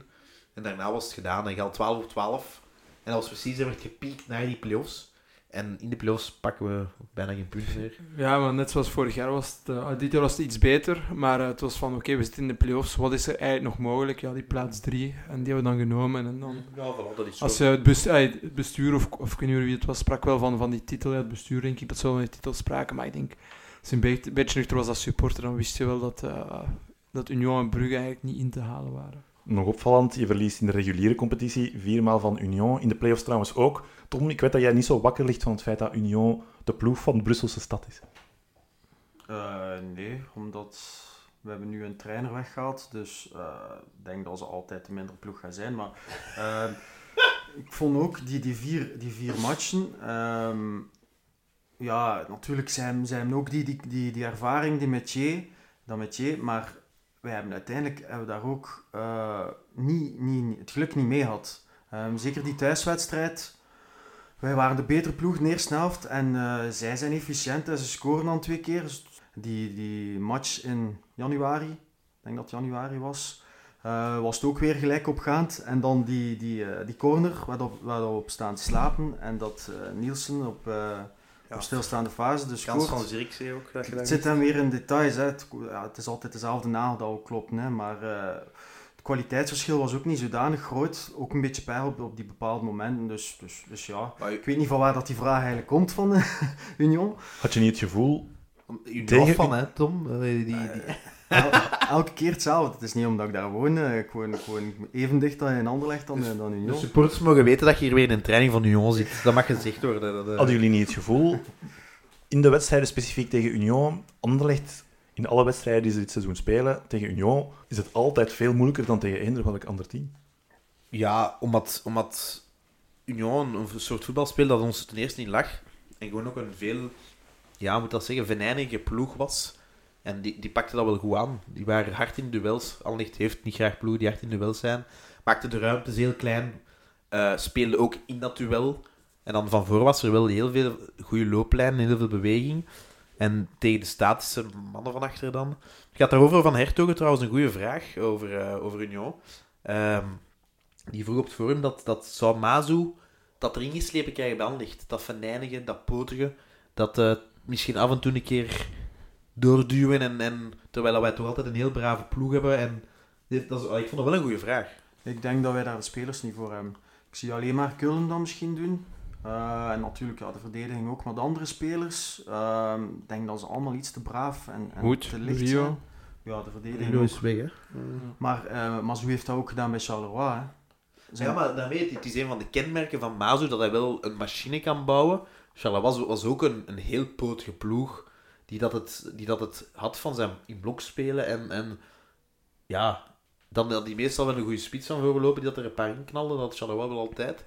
Maar ja, Moest hij het erin krijgen bij een Verscharen? Dat lijkt me bij Verscharen zo de missing factor misschien om hem naar een hoger niveau te krijgen. Maar ik vind, ik vind niet per se het, ah, het, niet per se het venijnige dat Mazo typeert, maar meer zo het opportunistische van zijn ploeg. En dat is wel iets wat hij er denk ik bij Anderlecht wel in kan krijgen. Ik denk dat we vaak te weinig opportunistisch zijn. Vooral in de aanval te weinig, te weinig zelfzuchtig soms. Toch nog eens die extra pas opzij gaan zoeken. Terwijl ik denk dat als hij dat erin krijgt, met de spelers die we hebben, dan, dan kan het wel... Dan zie ik hem wel misschien wel meer punten halen als, als vorig seizoen onder Compagnie. Waar het misschien iets esthetischer was, maar ook niet de juiste balans. Misschien met het eh, opportunistische. We gaan zelfs nog genoeg praten over komend seizoen. Ik wil nog snel, snel afronden van, eh, van afgelopen seizoen. In die play-offs haal je uiteindelijk acht punten. Je verliest twee keer van Union, zoals, eh, zoals net gezegd. Tweemaal gelijk tegen Brugge. En je wint twee keer eh, tegen Antwerpen, dus je eindigt nog als derde. Overal, als jullie dat seizoen bekijken, durven jullie daar een cijfer op plakken qua gevoel dat je daarbij hebt? Ehm, voor mij is dat 6 op 10. Dus zeker niet slecht, maar ook niet goed. En ja, we zijn nog altijd Anderlecht, dus ik vind dat we wel altijd, nog altijd het hoogste moeten ambiëren. We hebben een normaal seizoen gedraaid, denk ik, volgens de kwaliteit dat we hebben, eh, qua spelersmateriaal. Eh, niet erboven, niet, niet, niet eronder. Dus een 7 op 10 zou dan misschien eh, plaats 2 zijn, een 8 op 10 kampioen en eh, eh, een 9 op 10... ehm, Conference League? eh, ietsje beter uiteraard, dus nee, ik denk dat een 6 Billig. ja, Eh, ik geef het een 7 op 10. Waarom? Eh, ik vond het heel, eh, heel aan- aantrekkelijk voetbal eigenlijk in het stadion vooral. Dan misschien op tv iets anders overkwam. In het was wel aangenaam vertoeven. Beter dan de voorbije seizoenen. Ehm, Ik denk ook, voor mij zijn we op de plaats geëindigd. Kwalitatief gezien waar we hoorden te eindigen. We hebben de bekerfinale gespeeld. Moesten we tweede geworden zijn, moesten we, of moesten we de bekerfinale gewonnen hebben, was voor mij wel een 8 op 10 geweest. Maar een 7 op 10, ja, dat lijkt mij correct. Ik had in een opwelling van, van ja, Compagnie Liefde 7,5 gestuurd, denk ik. Als cijfer. En ik, ik, leun naar Ben toe een 7. Wederom. Ehm, goed, ik heb goed voetbal gezien bij momenten. Het heeft te lang geduurd voordat de ploeg er stond. En, en mochten we de beker gewonnen hebben, inderdaad, dan had het eigenlijk een savap. Dus, ik denk hoger als derde hadden we niet geworden. Zo simpel. En als we de beker hadden gewonnen, was het gewoon een goed seizoen geweest. Maar bijvoorbeeld binnen 10 jaar, stel dat we tegen dan twee keer kampioen geworden zijn en in één keer worden we weer in het seizoen derde. Zouden ze nog altijd 7 op 10 geven? Het valt echt af van de omstandigheden. van hè, waar je van, komt, hè. ja. Van waar je komt. Ik vind, ik vind dat je dit Anderlecht niet meer mocht afzetten. Ik ben ook... Ik ging ook naar Anderlecht kijken, maar we werden ook om de twee jaar kampioen. Hè? Of een keer twee jaar op een rij houden. Ik heb het ook allemaal meegemaakt. Hè? Maar ik vind, wat Ben nu zegt, ook in het stadion nu... Gaat, iedereen stond terug achter de ploeg. En soms is het leuker om achtervolger te zijn dan eenzaam aan de top te staan. En ik, ik heb nog altijd het gevoel dat we naar iets opbouwen. En, en hopelijk, ik, allee, ik, ik zit nog een beetje in dubio nu voor wat er nu allemaal gaat gebeuren. Maar ik, ik vond zo de spankracht en de dingen zat er terug in. En dat is toch iets dat we zo al een paar jaar gemist hadden op Anderlecht. De betrokkenheid en de... Dat is, Passie. ja, dat is sowieso veranderd. Maar als Anderlecht zijn vind ik gewoon dat we het altijd het hoogste moeten ambiëren.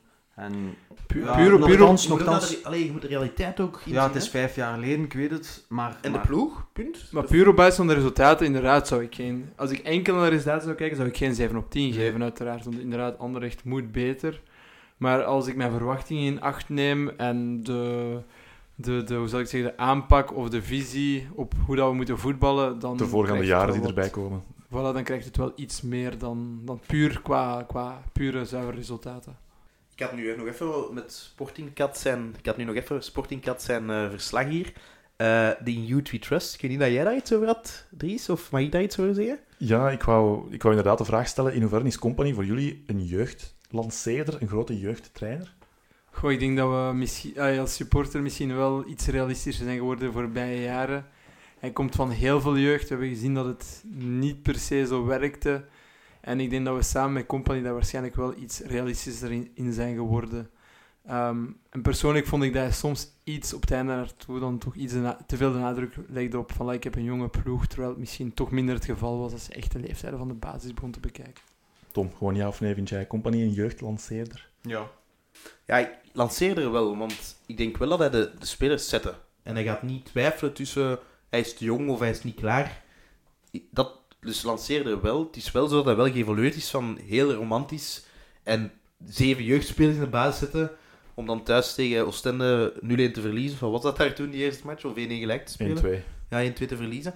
Van, van, maar ja, ik denk dan dat het laatste seizoen, dat blijkt wel ook uit de cijfers, wel een beetje te weinig was om... om ja, Maar ik denk maar dat was de kwaliteit misschien ook te weinig? Ja, ik denk dat ja. Company zijn oordeel eh, wel, eh, dat we daar wel moeten op vertrouwen dat hij ze brengt wanneer dat ze klaar zijn. Ik denk dat hij daar zeker uit geleerd heeft van in het begin. eh, het eerste of tweede seizoen, nee, ook gans in het begin, heeft hij daar gestart met El Kababri. Eerste seizoen, ja. Eh, de Walen. De Walen. Ja, eh, Steven de, de, Walen, die een verdedigende middenvelder is, als inver- inverted wingback. Daar heeft hij uit geleerd. En dan dit seizoen was het iets minder. Maar als je dan naar de belofte kijkt, wa- waren er geen absolute uitschieters die misschien meer minuten verdienden. Arnstad, Ja, Kana. sneller. Kana, ja. Maar bon, dus, dus je weet dat Kana blijkbaar wel een beetje mentale problemen had en dat wel een beetje op het sukkelen was. Eh, de een paar blessures ook en zo, dat dat een beetje meespeelde. Dan ook een beetje... En Arnstad had misschien wel sneller gekund, want die was na een jaar wel echt goed bij de Die belofte. was echt goed, maar hij heeft dan gespeeld bij de eerste ploeg en hij was ook goed. Dus misschien was dat wel eh, Ja, top. het exacte moment om het te doen. Maar ja, je hebt ook altijd, ik denk ook altijd, je hebt deeltje kernmanagement. Je kan niet zomaar iemand uit de ploeg gaan zetten, omdat een jeugd, iemand die de- degelijk speelt, omdat een jeugdspeler zich ook toont op training. Anders komen we terug in het geval waar hij continu van ploeg ging switchen. ja, dus als jeugdspeler moet je inderdaad vaak wachten tot de opportuniteit zich voordoet, zoals Kana, en dan moet je die opportuniteit ook grijpen. Mm. Dus ik snap wel dat je, dat je niet per se zegt van, ah ja, Arnstad speelt nu goed, misschien had hij drie weken geleden al moeten spelen. En- Misschien wel, en misschien had hij zo gespeeld, maar de opportuniteit om hem te zetten moet zich Ik denk, natuurlijk ik ook denk nog in dat geval ook dat, dat bijvoorbeeld de blessure van Delcroix, dat is ook een jeugdspeler die normaal speelt. Ja, die speelt normaal. De Bas stond er dan in, is er dan ook terug uitgevallen. En Helac heeft ook wel echt een kwakkelseizoen gehad. Dat zijn eigenlijk drie mannen die anders meer minuten gemaakt, gemaakt hadden. En dan die cijfers er misschien ook wel anders uitgezien. Nu zijn ze... heeft ook veel gespeeld. Ja, ja, maar ja, begin. ja, dat is waar. Ja. Als we het in percentages gaan uitdrukken, alle wedstrijden bij elkaar opgeteld, kan je 550 spelers opstellen. Van die 550 spelers heeft hij 17% van de tijd voor een eigen opgeleide speler gekozen. Dus dat is bijna een vijfde.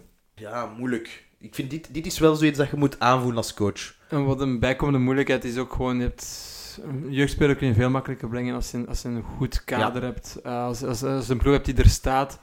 Als je ploeg zelfzoekende is, dan is het moeilijk om daar nog eens een, een jeugdspeler in te gaan zetten, om dan plots het geheel mee naar omhoog te brengen. Dus Ik denk dat we van daar romantisch in inderdaad wel een beetje van die wolk gedonderd zijn. Dat we dachten vroeger, brengt jeugd en die zullen het wel oplossen en die zijn beter. Er moet ook wel een kader staan. Hè. Er moet ook wel, ik vind dat je in elke linie eigenlijk een topper zou moeten hebben die het niveau omhoog haalt. En dat je daar dan, we hebben dat in het verleden ook al gezegd, Company mocht wel debuteren met Tine naast hem. Die heel matuur was, die heel bedrijfskundig was. Waar dat hij, allee, het was eerst met de boek zeker en daarna Tine. Maar dat zijn wel andere, ja, En- zijn andere types als wat er nu loopt. Ja, en ik denk dat we ook gezien hebben, bijvoorbeeld met het debuut van de Bast. Op dat moment stond de verdediging er wel. En dan is de Bast daar eigenlijk ook Ja. redelijk zonder problemen ingekomen. Klopt. Ehm, ik denk hetzelfde naar het einde van het seizoen doen, waar eigenlijk de ploeg draaide. En dan komt Kana erin en dan vind hij ook veel makkelijker zijn, eh, ja, zijn, zijn rol. Dus ik denk als de ploeg goed speelt, wat we voorbij het seizoen bij momenten wel hebben gehad, wordt het ook wel makkelijker om die jeugdspelers in te passen. Kijk ook naar, maar naar Arnstad, die dan wel in een draaiende ploeg kwam en plots ook wel... Er stond iets, hè? Ja, dus ja. Zouden jullie voor, eh, als Mazu op het eind van volgend seizoen 17% van de tijd kiest voor jeugdspelers, zouden jullie exact hetzelfde zeggen? Ik wel, sowieso. Ik vind 1 op 5 eigenlijk niet zo slecht. Eh 1 op 5 percentage van jeugdspelers. Maar ik ik denk dat de kaarten ook weer anders liggen. De Bastis terugvindt dat kwijt. Dat, zijn, dat gaat die cijfers ook. Ik denk dat hij, Company is door die blessures, anders dat dat misschien naar een 2 op 5 geëvalueerd. Of naar, dus ik vind, Wat ik verwacht van Maas wel meer, een beetje wat je aangeeft, een beetje meer, een hoger percentage. Waarom? Eh, in principe, ik denk dat de enige jeugdspeler die op vertrekken staat, Amuzu is, die niet echt basis was. Schaar misschien. Ja, ook of een van de twee. Ja. Maar in ieder geval, de andere jeugdspelers, zoals een Kana, een El Hadj, een Stroeikens, een De Bast en Delcroix, zijn weer een jaar ouder. En zouden eigenlijk dus gewoon meer minuten moeten kunnen maken. Uh, je hebt Arnstad die erbij komt, die waarschijnlijk ook zal spelen. Misschien nog een, ander, een of twee andere spelers. Dus in principe zou daarmee ook het percentage omhoog moeten gaan. Maar ik denk ook, ja, dat was dan weer voor die nadeel van Compagnie. Ja, hij is Sambi kwijtgeraakt. En Sambi het jaar ervoor heeft quasi alles gespeeld. Dus ja, dat heeft natuurlijk ook weer een impact. Ja.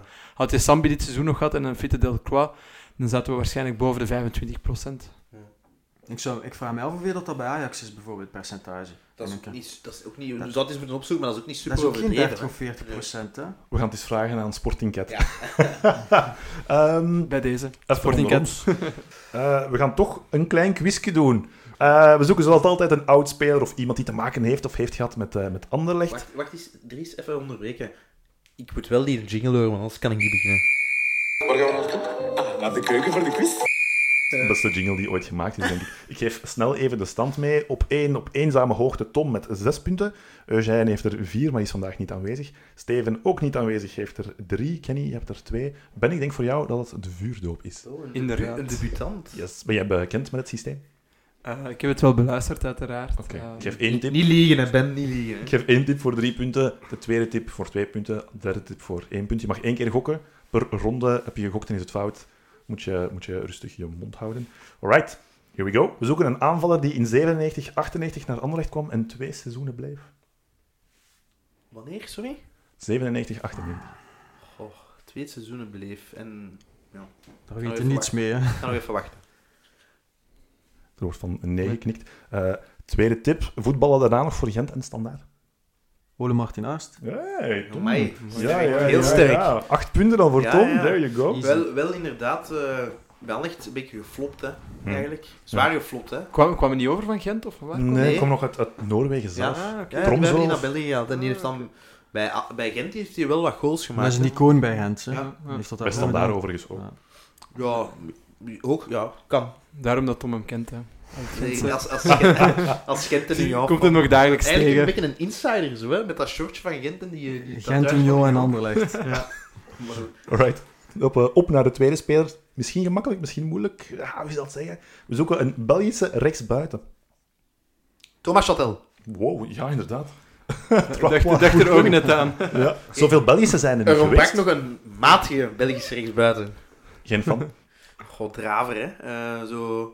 Ik dacht altijd, bij, bij Genk vond ik dat wel oké. Ik vond dat wel... Allee, maar voor Genk een goede speler, maar vooral niet... Andere tijden. Hè. Ja, altijd... Toen, hadden- dat was, toen was dat het type van Belgisch rechtsbuiten. ja, Tegenwoordig gelukkig, al met, gelukkig met Ja, iets meer techniek. De tijd dat we, dat we dus Chatel hadden, we, we hebben die in die periode ook Christophe Gregoire hebben lopen gehad, eh, gehaald. We hebben Stanny Velcik als rechtsbuiten gehad. Gregoire was wel een mooie voetballer. Was veel, een mooie veel te weinig Veel natuurlijk. te weinig, ja, maar ja. te plat voor allemaal. Ja, ja, Ja. ja. Daarna ook nog naar Gent gaan, denk je? Ja, het zou Ja, kunnen. ja, Ja, ja, ja, ja, ja. Nog, ja, nog even gespeeld daar. We gaan nog een derde doen, hè, want die tweede werd net iets te snel gevonden naar mijn goesting. We zoeken een Colombiaanse aanvaller. Eh, Oswaldo Alvarez. ja, fuck, ik kwam niet op. hè. Jus, ik kwam Jezus. Christus, we zitten hier met een Dat- soort er fenomeen. Dat kon er maar één zijn, hè. Volgende keer wat makkelijkere vragen, hè, Dries. Ja. Of jij mag gewoon niet meer meedoen, misschien Ja, moet nee, het maar zo sterk wel, maar ik had er ook Ja. wel op gekomen. Als je mij nu nog... Ook groot talent, nooit doorbroken. Nee, hij heeft drie, vier seizoenen bij Anderlecht gespeeld, maar vijf wedstrijden effectief kunnen afwerken wegens gigantisch veel blessures. Daarin wel één goal gemaakt en volgens Wikipedia daarna ook nergens meer Te gevoetbald. veel, te veel spieren. Hè. Ja. was een Een beetje enorme, type, enorme eh, dij, die ja, mens. type Te Aguero, explosief. type Aguero, zo'n Ja. klein blokje, hè, maar ja. Ja, blesseerd Ja. Tom heeft deze ronde met, eh, of deze aflevering met verve gewonnen. Ik vind niet dat Tom nog wat meedoen. Ik vind het niet meer leuk. Zolang dat hij mij pintjes geeft. eh, We zijn niet aan het drinken. Leugenaar. achteraf, Dat is, voor de, dat is weer voor de fanbase content houden, die zeven regels. Volgende week krijgen wij een eerste type. Nee, nee, maar Dan moet ik even buiten ik wil gaan. wel een prijs. Als ik gewonnen heb, wil ik wel een prijs. Ik zei het jullie. Jij mag op romantisch weekend met de Dries. De ster van de show. Oh, We my. zitten hier al romantisch, dus iets Naar anders. het dan- mooie Gent. Alright, we gaan vooruitblikken naar, eh, naar komend seizoen. Het is misschien wat vroeg om te zeggen hoor, maar hebben jullie verwachtingen? Goh, ik, vind, ik, vind, ik vind inderdaad nog, eh, nog een paar weken te vroeg. Nu, mijn verwachtingen zijn... eh company is buiten gewerkt, zal ik zeggen. Mijn verwachtingen zijn dat het beter gaat zijn. Maar buiten gewerkt. En Ja. daarmee wil ik niet zeggen dat ik, er, dat ik denk dat het beter gaat zijn, maar dat is wat ik verwacht dat ze beter gaan zijn. Ja. Anders is het niet genoeg. Ik denk dat het bestuur meer punten wil halen en hoger denkt te kunnen eindigen met deze ploeg. Ehm, dat kan. Dan, we kunnen, allee, ik vind dat we... Oké, we zijn heel... Company was heel romantisch, heel zwaar, moeilijk afscheid. Mazu komt dan, wat misschien ook een beetje een stijlbreuk is vergeleken met Company, dat moeten we zien. Eh, ik vind wel dat die mens op een bepaalde manier er niet aan kan doen dat Company weg moest of weg is vertrokken. Dus die moet zijn eerlijke kans krijgen. Maar we weten allemaal, als hij begint met hoe Company begon is aan het seizoen, ligt hem eind september buiten. Dat is heel simpel. Dat zou ik Ja. dan, maar dat zou je dan persoonlijk niet correct vinden. Want Nee, dan- maar, maar dan je heeft weet dat dat de realiteit is, hè, Ben. Dat is gewoon zo. Ja, maar eigenlijk, dan mogen ze Mazo buiten smijten, maar dan gaat voor mij de schuld wel bij het bestuur Ja. En niet tuurlijk, bij Mazo. Tuurlijk, Maar we moeten allemaal hopen dat dat, dat goed gaat. Hè? Want eh, we kunnen nu wel hopen dat, dat het bestuur een fout geweest is, dat, dat Maas een slechte keuze is. Hoop jij erop, Tom? Maar er zijn supporters die, die, Ja, die zeer eh, cynisch zijn, zeer pessimistisch. En, en ja, want, want als, als we nu weer een slecht seizoen hebben en weer eh, niet bij de eerste twee, wel, we mogen ambitieus Moet- zijn. moet We blijven zetten. dieper en dieper gaan. Hè? Dus, Ja. dus we moeten echt hopen dat Mazou het goed gaat doen. Ook al volgt hij een icoon op, eh, moeten we echt wel supporteren dat hij iets of van normaal doet. Hè? Heb jij zelf verwachtingen, Tom? Ik, ja, ik ben altijd positief als het seizoen begint. Eh, als Hoe supporter. ben jij een positieve mens? Om ik heb dat nog niet Eh, gemerkt. Over Zierkzee niet, maar over de rest wel. Ehm, maar ja, ik, ik, ik, het zou mij niet verwonderen moesten ze het beter doen dan, dan vorig jaar. Alhoewel dat de concurrentie ook niet stil zit. Ehm, maar, maar ja, de start gaat beter zijn. Dus overal denk ik dat ze op het einde meer punten gaan hebben. Ehm, of dat genoeg gaat zijn om eh Brugge sowieso niet, eh, Antwerp, Genk achter te houden, weet ik niet. Maar algemeen gevoel denk ik dat beter gaat zijn dan vorig seizoen. Ehm, ik heb eh, twee opmerkingen. Ik denk dat we... Allee, het gaat er een beetje van afhangen hoe de concurrentie voor de dag komt. Want je hebt bij zowel Brugge een nieuwe jonge trainer die jong ervaren is. Wat gaat dat geven? En die Eh, Karel Hoefkes noemt. Ja. Je mocht de naam uitspreken, dat lachen. Carlo Hoefkens. Maar, eh, dus ja, er gaat ook heel veel volk nog vertrekken bij Brugge. Dus wat gaat daar komen? Allee, de naam dat daar nu geciteerd wordt, daar word ik nu ook niet wild van. Union, die, die schat ik, die tel ik niet meer mee. Maar oké, hebt Gent, Hein blijft daar wel verder borduren op wat er al staat. Gaat die dadelijk kunnen houden? Allee, wat gaat daar gebeuren? Dus er zijn heel veel vraagtekens. Eh, hoe gaat Genk voor de dag komen? Antwerpen is ook fameus aan het uithalen op de transfermarkt. Dus allee, het zijn allemaal zaken die meespelen. Maar eigenlijk, mijn tweede punt ligt aan Belgisch zelf. Ehm, ik ben totaal geen fan van een 3-5-2-systeem. En ik zie dat ook niet met de spelers die wij hebben, met de profiel die wij hebben momenteel. Eh, ja, en daar ben ik wel benieuwd naar wat daar gaat uitkomen. Het is nu nog heel vroeg. En, en ik geef Maas de tijd om te bouwen aan iets. En, dat is wel een van de opmerkingen die ik daar rond heb. Ja, je snijdt het nu, eh, nu aan, dat onderwerp. Maar zo speelt doorgaans, of hoogstwaarschijnlijk ook bij Anderlecht, dan wel in een 3-5-2. Op zich hebben wij daar ook wel weer spelers voor die dat zouden kunnen invullen. Ik denk dat ook. Ja, ik was... Gomez en, en, en Amouz op de flanken, daar ga ik wel even voor Ja, toen moest je blijven. Ik persoonlijk, ik, vind, eh, ik denk dat onze... En ik heb de kleine oefening gemaakt, ik heb het eens even, even nagekeken. Ik Oh. vind dat onze kern eigenlijk meer geschikt is momenteel voor een 3-5-2 dan voor een 4-3-3. Want wat was eigenlijk voor mij dan de grote zwakte vorig seizoen? Eh, enerzijds de, rug, eh, de ruimte in de rug van onze backs, Murillo, Gomez, waren we toch wel kwets- kwetsbaar op. Het gebrek aan buitenspelers met een actie hadden we ook eigenlijk niet. Ze waren iets te statisch, vooral Rafael of Verscharen dan. Uh, en dan een derde punt was dat het middenveld, als Ashimero niet in topvorm zat, was het middenveld, tweemans middenveld eigenlijk ook te weinig. zijn eigenlijk drie punten die je al aanpakt met een 3-5-2. En dan komt daar nog eens bij dat eigenlijk eh, onze centrale verdedigers, eh, zeker de Bastien Delcroix, maar dan denk ik bijvoorbeeld zeker, vooral aan een Sardella, die komen volgens mij ook meer tot hun recht in een, in een driemansverdediging, waarbij dat hun lengte misschien iets minder belangrijk is, maar in voetbal en de kwaliteiten wel heel uitgespeeld kunnen worden. Maar wel, dat is een van de zaken. ehm mij gaat het er vooral over gaan, hoe gaat Mazu dat invullen? En ik vond bij, bij Union was dat heel rigide. Hè. Die hadden drie echte mandekkers. Eh, dan op rechts hadden Nieuwkoop, dat ook al niet echt een voetballende bak is. Links was dat meestal meer mi- type Mitoma, wel de voetballer die meer... Dus ik ben heel benieuwd. Je hebt met de Bast en Delcroix inderdaad man die kunnen inschuiven. En wat mijn kanttekening is bij een 3-5-2, is dat je drie centrale verdedigers opoffert. Dus het ligt mij daar... Allee, ge- geofferd, ik vind als offensieve ploeg aan licht zijnde, vind ik dat je die een extra speler hoger kunt gebruiken. Natuurlijk, hoe gaat hij het invullen? Gaat de Bast inderdaad de opdracht krijgen om meer in te schuiven? Ja, die heeft, dat is een prima voetballer. Hè. Die kan... Allee, de, dat hetzelfde verhaal, die kan inschuiven. Hoed heeft ook een goede inspeelpas, zoals al gezegd wordt. Dus het is vooral kijken naar hoe gaat dat in, ingevuld worden. En, en, maar bon, kijk, het is, het, is, het, is, het is nog heel vroeg, dus je kunt daar nu nog geen conclusie over trekken. Maar ja, bon, we zullen het zien. Ja. Ik ben er wel mee akkoord. Ik zie ook veel liever een 4-3-3, origineel. Eh, Ajax, Barcelona, al de rest. Maar eh, nu de 3-5-2. Het probleem, denk ik, is bij onze kern... eh, we hebben maar één echte winger voor een 4-3-3 dan te spelen. Dat is Almuzu. Dus eh, voor de 3-5-2 zet je meer de, de spelers op hun natuurlijke positie buiten de spits. Ja, Raman kan daar spelen, maar ja, daar zijn we allemaal geen fan van.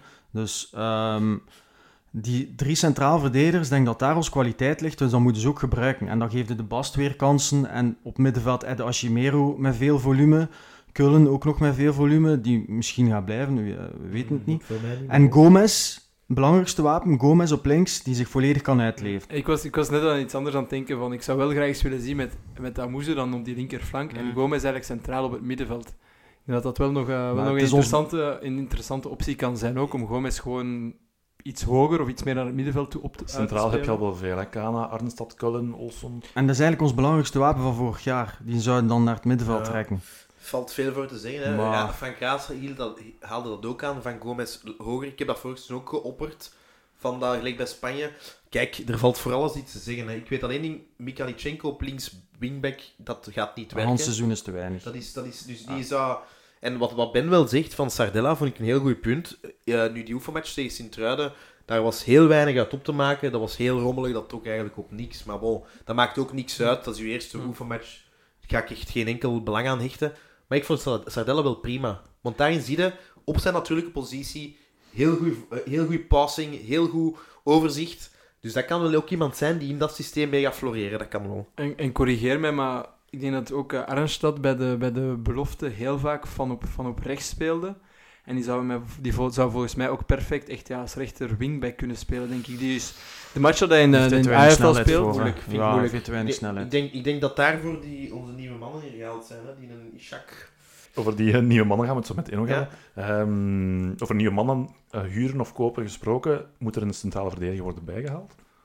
uh, Als voor je met mij- drie zou spelen, je hebt goed Delcroix de Bast, waar wij nu even van uitgaan dat die gewoon dopjes in de ploeg staan. Dan heb je nog Sardella en, En, dan... eh, Sadiki, maar voor mij, voor mij moet er dan inderdaad sowieso nog wel een centrale verdediger bij. Waarom? Eh, omdat ik ook denk, ja, Lissens heb je eventueel ook nog. En Sadiki, maar ik persoonlijk zou liever Lissens en Sadiki dan bij de belofte eh, in, in, in B zien spelen om die mannen wat minuten te laten maken. Eventueel opnieuw terug één of twee centrale verdedigers huren, maar eigenlijk eh, om die jongens ook niet te blokkeren. Dat die, eh, Ja, misschien één, ja. Maar eventueel bijvoorbeeld een Kana kan natuurlijk Kana kan ook altijd, er achteruit. ja, hè. dus, Dus, eh, ik, zou, ja. ik, zou, ik denk dat de prioriteit misschien wel er- elders liggen. En ik denk, eh, we hebben- denk het, Bruggen heeft het een paar keer gedaan, met, hoe noemt hem weer? Eh, Rika zeker, die, eh, die als, als defensieve linksback ook dan... Mika, kan, uh, Mika Mikhailichenko zie ik daar ook nog Voilà, spelen. dus dat ik eventueel denk van mi- misschien is Mikhailichenko ook wel een optie om die linker centrale verdediger Maar te depaneren. ehm, in dat systeem, in de 3-5-2, het probleem is dat wel, we gaan het doen met Refailov en Verscharen. Uh, Verscharen- Refailov nooit meer opstellen. Ja. 1B. Voor nee, ik denk, eh, dat kon ik denk, ik denk Verscha- Verscharen... Ik, wa- ik, ik, dus ik heb het echt vandaag eh, een beetje over nagedacht en ik dacht van oké, Verscharen kan je eventueel als, als, eh, als tweede spits uitspelen, maar dacht ik oké, Ah. misschien beter op de 10 en dan zit hij daar gewoon op de 10. Nee, maar dan op de 10 gewoon in concurrentie met El Hadj. Kan, Maar- kunnen ze allebei, denk ik Duits zeggen? Ik denk dat er intern ook wel gehoopt wordt dat er een ploeg komt die dit, dit, dit, deze zomer halvelings 10 miljoen geeft voor Schaar en dat er vertrekt. Dat is jouw idee, hè, vooral duidelijkheid. Ja, ja, dat is mijn idee. Dat is Ja. mijn idee. Dus zeker geen... geen allee, ik word keer niks eh, suggesteren. Maar ehm, ik denk... Ja... Het is Ja. gewoon een moeilijk verhaal aan het worden. En zeker in- met de nieuwe coach het nieuwe systeem. El Hadj heeft wel dat volume, die werkkracht, die in die driehoek centraal zou kunnen. En Hier speelt- heeft dat te weinig. Zou ik eens een middenveld mogen op tafel werpen hier? Mhm. Eh, vanuit een beetje jeugdliefde ook. Kana, Ashimeru, Arnstad. Ja, Kan perfect. volledig mee akkoord. Ja, Loopvermogen, techniek. Ja. Persoonlijk, persoonlijk verwacht ik wel Arnstad niet op de 10 en denk ik daar eerder aan Verscharen of El Hadj. Ja, maar, maar wat hij nu zegt, wat hij nu oppert, dat is wel een heel modern middenveld. En Ja. gewoon Arnstad, ik denk dat hij inderdaad een modernere voetballer is dan, dan Verscharen en El Hadj. Ik vind het zeer spijtig, want El Hadj, eh, twee seizoenen geleden, was, was, was goed, was veelbelovend. Maar wat dat hij nu getoond heeft, nu weer in de oefenmatch... Ja, Ja. maar dat vind ik... u- Dat, ik zeg die oefenmatch... Maar het belangrijkste vind ik bij, bij El Hadj en je ziet bij die twee gasten, ze kunnen voetballen, ze kunnen goed voetballen. Maar ze hebben weinig lef, weinig durf naar voren. En Arnstad in die bepaalde matchen had dat wel. Die ging dat wel, die had dat wel die diepgang, eh die durfde een keer schieten, eh, wegdraaien. El Hadj had dat... dat, die, dat zijn medenseizoen had dat wel. Had dat wel. Had wel dat vertrouwen. Ja, en, wel, en nu is dat in één keer ja weg. maar, maar laat die... Laat, ik denk, qua volume en in het voetbal van Mazu... Zie ik El Hadj nog wel een rol spelen, want die, kan, die heeft die werkkracht. Ik zie daar ook meer een 18 dan een 10. Sowieso meer eh Als El. Hadj dan Verscharen. Want eh El Hadj gaat nu ook... eh, hij heeft een persoonlijk programma meegekregen eh tussenseizoen. Dus hij gaat niet dezelfde fout maken Hm. als, eh, als, voor, als vorig jaar. Ehm, dus ik zie hem ook wel meer bereiken dan Verscharen. Omdat Verscharen heb ik eigenlijk een beetje opgegeven. Benny zei, denk ik. Ik denk dat jij het was die daar, daar straks zei. Mazou speelt ook wel wat opportunistisch. Refailov is misschien wel de meest opportunistische aanvallende speler in de kern qua doelgerichtheid. Ja, ik denk dat ik denk dat we allemaal wel gezien hebben dat het voor Refailov heel moeilijk gaat worden. Hè. Misschien inderdaad opnieuw in de 3-5-2, misschien als hij op de 10 staat, dat hij echt meer vanuit een zetel kan spelen, maar persoonlijk... Weinig eh, vertrouwen, denk ik. Ik nee, in principe gaat zijn fysiek nog achteruit gaan, zijn er sneller van uitvoeren. Misschien als invaller, eh, maar ik zie... ik hoop voor hem, maar waarom, waarom hebben we niet bijvoorbeeld eh, als invaller gebruiken en misschien in de toekomst eh, gewoon als, als leider in 1B? Dat hij daar eigenlijk eventueel daar in die ploeg Is dat wel een grotere Ja, Ja, waarde met zo'n iemand met zijn status, Hij is- dat is hij- moeilijk. Hè? Zijn laatste, cont laatste contractjaar, dat ze zeggen van oké, je kan nog wel blijven, maar eh, eerder als... Zie je dat gebeuren, Tom? Nee, dat gaat nooit niet Maar ik zie, hem- ik, zie hem daar ik zie hem persoonlijk daar gewoon meer meerwaarde hebben dan... eh, Ja, als, ploeg, als invaller kan hij ook wel een meerwaarde hebben, maar ja, als, als 10 in het systeem 3-5-2 heeft hij veel te weinig loopvermogen. Ah ja, maar daar ben ik mee akkoord. Maar ik denk dat hij misschien nog iets makkelijker gaat trekken dan vorig jaar op de flank, waar het wel echt naar het einde van het seizoen wel pijnlijk werd. In mijn ogen gewoon game over. Allee, Er zijn nog wel wat spelers waar we vraagtekens bij kunnen, bij kunnen plaatsen. Ik ga het lijstje even afgaan. Raman, ik vermoed dat iedereen hier gewoon wil zeggen verkopen. Weg. Ja, ik had hem, ik had hem eerst gezet naast eh, als, als tweede spits, maar dan dacht ik eigenlijk van ja, hopelijk komt er gewoon een pot en dan, eh, dan eh, zijn we er Dat vanaf. gaat niet komen. hè. Nee, Nee. En, en dan Nee. komen we bij de... Ah, pas op, pas op, zijn statistieken waren niet zo slecht. Ik denk wel dat er een ploeg wel kan zeggen van ah, 2 miljoen wil ik er nog wel voor geven. Ja, voor, dan want breng- dan breng hij is, je wel een, hij, is wel een, ja, hij is wel een soort van zekerheid op bepaalde statistieken. Vinden jullie hem slechter dan Van Zijr? Oh ja, oh, maar, veel Ehm, slechter. Van Ja. Zijr is ook een prul, hè, jongens. Sorry, je moet er niet over... Oh, Allee. tuurlijk, Ja, Raman, maar Raman is nog Raman niveau... heeft ook ooit een keer bij Gent een goed seizoen gespeeld. Hè. Dat zijn van die spelers dat je gewoon ver moet van wegblijven. Het pijn aan Van. Zijr ook. Sorry, dat niveau in de play-offs, dat is gewoon... Ja. Dat vind, ik vind dat persoonlijk een beetje streng. Dat zijn gewoon, die hebben bepaalde kwaliteiten, maar dat zijn Maar te gewoon... weinig voor maar- Anderlecht. Voilà, dat zijn, dat zijn geen zou- Ik zou de basisspelers. vraag nu anders percipiëren. Als Mazu er een machine van maakt, zoals bij Nyon, zou een Raman in dat systeem een soort van zijn rol kunnen spelen? En nu speel ik advocaat van de duivel, want ik wil dat helemaal niet. Mogelijk, mogelijk, mogelijk wel. Niet dat ik er ik persoonlijk... Ja, Denk mo- ik mogelijk wel, maar ik denk bij Anderlecht mag je hoger mikken. Bij Nee, dat- Union, moest hij Ramon hebben bij Union? Ja, maar we zijn hier Anderlecht en dan denk Maar ik, je ik- kan hoger mikken. Dan zijn we bij de grote ontgoocheling van het seizoen. En dat was voor mij de aankondiging van de transfer van Ja. Benito Raman. Het was in, in juli, denk ik. Ik weet nog goed, ik was op reis met Ik dacht dat vrienden. dat een mop was eigenlijk. Ja, en wij, wij, wij, wij hoorden dat en wij keken naar elkaar. Wij, wij konden elkaar... Wij, wij konden het niet geloven. Dus zo- zo'n waanzinnig slechte voetballer die zo eh, veel basis... eh, kwaliteiten niet onder de knie heeft, Hmm. basiseigenschappen niet onder de knie heeft, ja, lopen, veel loopvermogen en druk zetten. Ik vind, ik vind jullie wel streng. Raman is niet mijn soort type speler, maar die heeft wel zijn verdiensten gehad afgelopen Ja, ik ben, seizoen. ik ben er ook iets realistischer in. Ik denk als, als je met 3 miljoen op de markt moet naar een spits, dan kan je bepaalde. Kun je ervoor kiezen, ik koop iemand met een heel gemiddeld profiel, of ik koop iemand met heel specifieke kwaliteiten, met heel grote gebreken. En, Mag ik, ja, mag ik daar even iets op zeggen? Goeie periode voor nieuwjaar. En dan heb ik ook moeten zeggen, wat hij nu doet is prima. Na nieuwjaar volledig weggedemsterd, mega irritant. en Domme rode kaarten, eh rode kaart, eh, commentaar op mede... Allee, nee, gewoon weg. ja, tuurlijk, maar ik Het heb, ik heb, ik heb het gewoon. totaalpakket is gewoon te weinig, Ah, ja. mentale. Ik heb het gewoon over zijn, over zijn kwaliteiten. Mhm, Uh, ah, ja. over- niet over zijn gedrag en zo. En ja, maar ik denk, dat zijn gedrag prima is, want dat hebben we ook al gehoord, dat de, in de groep is die goed, hè. Nee, nee, dat is een ik- toffe... Allee, dat is een... ja, daar zei er niets mee. Hè. Je moet een goede voetballer rennen in die groep. Ja, maar ja, ik denk bijvoorbeeld Cirkzee zegt je ook, geïrriteerd u er ook aan. Kwame ook technisch niet- soms onbeholpen. Maar ja, dat kan mij wel irriteren naar voetbal. Nee, maar Dus, ja. bijvoorbeeld als je de kern afgaat, Murillo heel veel zwakke momenten. Magalan ja, ook, niet, ook niet top. Ja, Kullen ook offensief te weinig. Ja, zo kun je bij alle spelers ook wel... Je wil zeggen, hij heeft zijn gebreken, maar hij heeft ook wel zijn troeven. Hij heeft zijn troeven. En w- moeten we hem houden? Absoluut niet. Maar ik snap ergens wel die transfer met het beperkte budget. En je hebt een zekerheid gekocht op 10 goals, 11 goals. En hij heeft het ook gemaakt. Dus Ideale speler voor 1B. Samen met Rafael of vuurwerk. Poe, poe. Ik ga wel niet meer kijken dan. maar. We gaan, eh, we gaan door naar een volgende speler, maar afgaand op de commentaren hier was het al, was het al redelijk vuurwerk.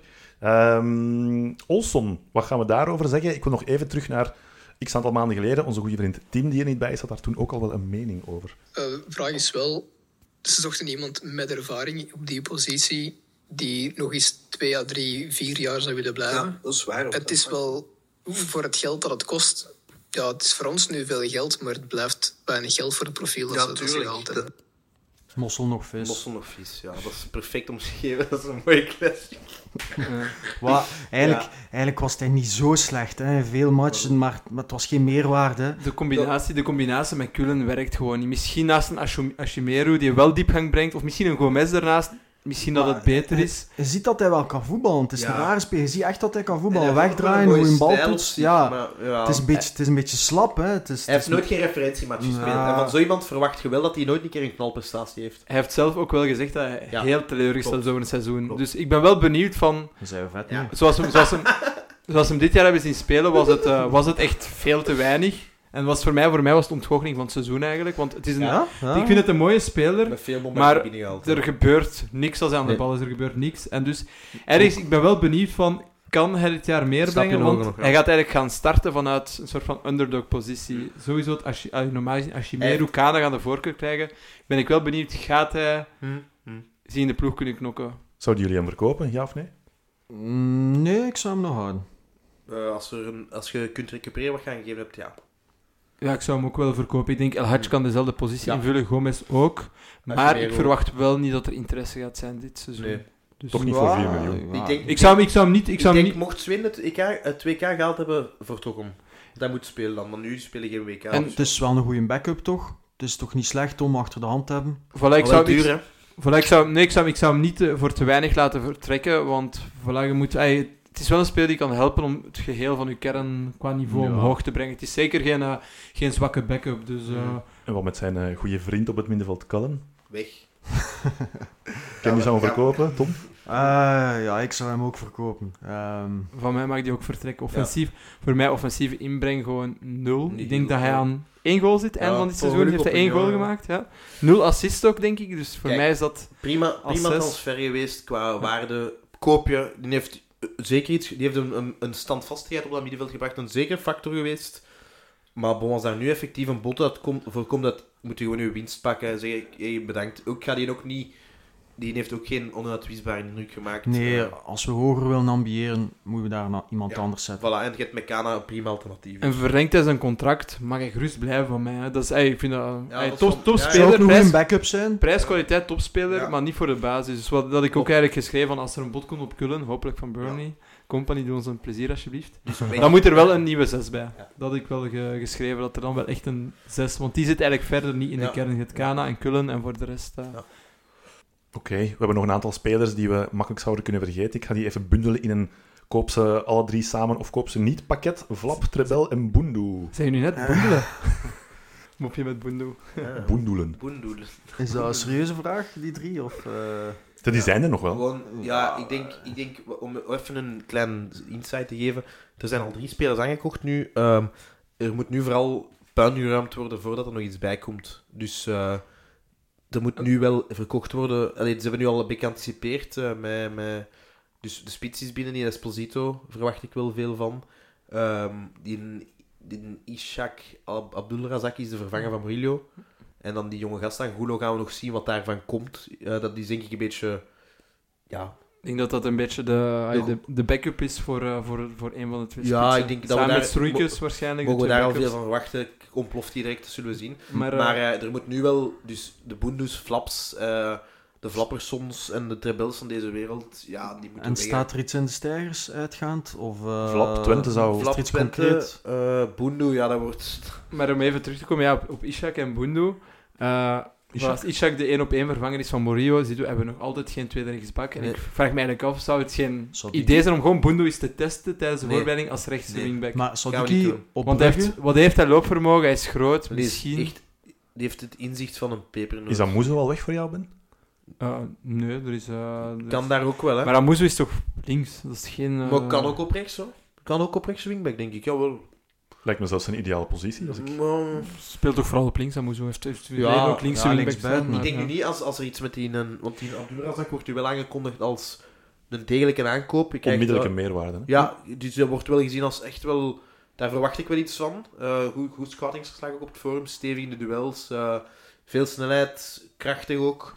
Maakt vaak ook de goede keuze in balbezit blijkbaar. Het eindproduct mag nog iets meer zijn.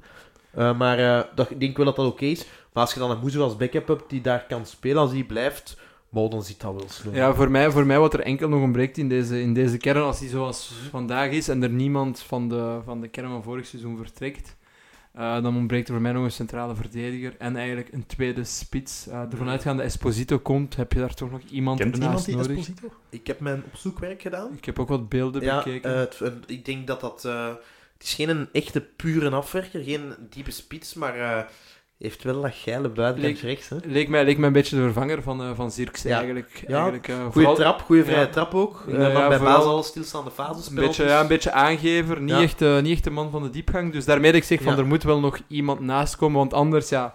Eigenlijk als, vanda als er vandaag niemand meer vertrekt, gaat waarschijnlijk Esposito Raman zijn om de combinatie te maken. Dus hopelijk Raman buiten, andere diepe spits in. Maar die Esposito, ik heb ook eh, wat filmpjes bekeken, ziet er inderdaad een goede voetballer uit, maar uiteindelijk zegt het ook niet veel, hè, die samenvatting. Ja, Nee, maar gewoon qua type, hè. Basel kunnen wel... Ja, allee, ja, niveau en heeft vergelijken, maar- degelijke cijfers, maar het ziet, er, het ziet er een mooie voetballer uit, wat Ja, uiteindelijk het belangrijkste wel- is. Denk Denk- ook heel, heel veel adel- adelbrieven in Italië. Ja, ja, ja, dus, sowieso. wow, kijk, Ja, en en ze denk, hadden ook een aankoopoptie hebben, wat prima gewerkt is van het bestuur. Dus ja, bon. ja, en ik denk, ik denk als, we, als we iets geleerd hebben over voorbije seizoenen van Zirkzee, Kwame en een Mecha, is dat we eigenlijk niet moeten afgaan op hun, Nee, op hun statistieken eigenlijk. Gewoon die jongens een kans geven. ehm, Maar ik denk dat het ook wel door die met Zirkzee te werk en met de matcha is dit wel daar een gevolg van dat zo'n gast zegt van tja, als springplank. Over Zirkzee en Kouamé trouwens. Mazou zei vorige week in zijn eerste soort interview via de clubkanaal van Anderlecht over die twee spelers. Die zijn nog niet per definitie weg. Ik weet niet hoeveel vertrouwen dat we daarin moeten hebben, maar... Nee, officieel 30 juni zeker, dus ja, hij heeft gelijk. Per definitie ze nog niet weg. Ja, die is, nog drie is al dagen. twee keer niet komen trainen, die Zirkzee, godverdikke. nee, maar ja, ik denk, ik denk Esposito is één op één vervanger van Zirkzee. Ik denk dat we daarvan uit mogen gaan. Als Ajax zich in het debat mengt, ja, dan is het game over. Daarom dat ik ook niet echt kan geloven dat ze zegt van ja, vooral, ja, oké, ik kan wel snappen de komende weken dat er eerst spelers weg moeten, Mhm. maar ik kan moeilijk geloven dat ze zeggen van ja, Esposito was voldoende om Zirkzee en Kwame Nee, nee, te gaan nee. vervangen. Dus, Maar ik denk dat het effectief... eh, ik had van, van mijn bronnen gehoord dat, het, eh, ze effectief nog wel met dingen bezig zijn, maar dat er nu eerst wat ruimte gemaakt moet worden. En ik denk dat ze vooral anticiperen, als je met Esposito en Raman de sneuts het seizoen moet beginnen... Ja, bon, we hebben... Dan zitten we weer in dezelfde situatie als En- vorig en jaar. Stroeikens, hè, Ja, spreken ja. Ja, maar En die. Angulo dan misschien... Allee, Ja, dat is ook een spits. hopelijk. eh, Ja, we weten het niet zo vroeg, hè. Ja, sowieso. Maar ik vind wel dat er dan een spits bij moet. En En als je veel- met Raman weer die, die, eh, die wedstrijden in Europees moet, moet aanvangen. Ja. Ja, maar in principe een Raman zou tegen, tegen Vitesse moeten volstaan hebben. Ja. Raman papier, heeft ook twee keer papier. Ik denk gescoord dat- ik denk dat tegen dat Vitesse toen- trouwens. Toen in die periode minder aan Raman lag dan aan de rest van de ploeg. Oké, het is een beetje, ja, een beetje Ja. alles. Maar eh, wat zijn de andere posities dat ze nog voor verzoeken? Is, het- is het voor, voornamelijk eh, de aanvallers? Of, of... Daar heb ik geen informatie over. Ja, ik denk, denk inderdaad als Samu zoals bijvoorbeeld rechts, rechtse wingback zou kunnen zien, dan denk ik dat de kern op zich redelijk compleet is. Ik denk de Dus, spitsen, eh, de spitsen inderdaad, de backup centrale verdediger, waarschijnlijk huren dan of zo. Ja, ik denk niet dat ze daar veel geld aan gaan spenderen. Ja, Het hangt ook ik- een beetje vanaf wat er nog uit de kast valt vanuit gaande. Hè. Graakt je van Trebel af in één keer serieus Kullen? Amuzu. Ja. Als die mannen vertrekken, zal er ook wel Ja, vervanging komt er nog wel wat bij. Ja. Over contracten aan spelers eh, geven gesproken. Er was vandaag leuk nieuws over een jeugdspeler. Jarne Vlies heeft een contract getekend. Kenny, ik kijk meteen naar jou voor eh, een soort profielschets van die jongen. Ja, ik was heel blij, want ehm, ehm, dat is de generatie, de, ploeg van Kretschels. Kretschels ook, heel mooi nummer 10. En eigenlijk is Vlies een rijtje achteruit geschoven voor Kretschels op een 10 te laten spelen. Terwijl Vlies ook van opleiding een nummer 10 is. Ook, ook nog door Urbain Hazard naar Anderlecht gehaald, eh, ooit. En eh, ik wist dat Ajax daar ook wel serieus achter zat. Dus Vlies, Kretschels staan hoog op de lijst van Ajax ook. Dus heel goed nieuws. Sierlijke voetballer, heel veel inzicht, heel veel flair. Stijl van het huis, passeur. Eh, ja, heel sierlijk. Ja, onthoud de naam. Is al meteen iets voor in 1B. Nee, is Nee, nee, nee, is nog heel... Is nog maar tenger. 15 jaar zeker? 15 jaar en is toch wel heel vroeg matuur. Nog heel, eh, heel smal, heel... Het is toch een- je zou, Niet je zou vroeg hem matuur. 13, 13 jaar geven, denk ik, als je hem ziet lopen. Trouwens, hetzelfde management als eh El Hadj. Dus op lange termijn is dat wel goed, want Ja. El Hadj zit hier nu ook al een Mhm. tijdje. Dus Over 1B gesproken, de, een van de spelers die vorig jaar veel, veel indruk heeft gemaakt, is denk ik Enoch. Verwacht, eh, mogen we die verwachten de komende maanden? Ja, ik denk dat dat een van de gasten is. Ja, dat misschien wel van het systeem dan een slachtoffer zou zijn. Want dat is wel echt meer een offensieve winger. Eh, maar heeft wel het volume om effectief, als hij zich doorontwikkelt als achtste- rechtse wingback te spelen. Ja, we gaan het zien. Ik denk dat hij, ja, ik- En- dat is een van de gasten dat het dichtste bij de A-ploeg staat. Na, voor, allee, die wel vorig jaar is doorontwikkeld. Dus. En ook, ook Duranville, die al is ingevallen.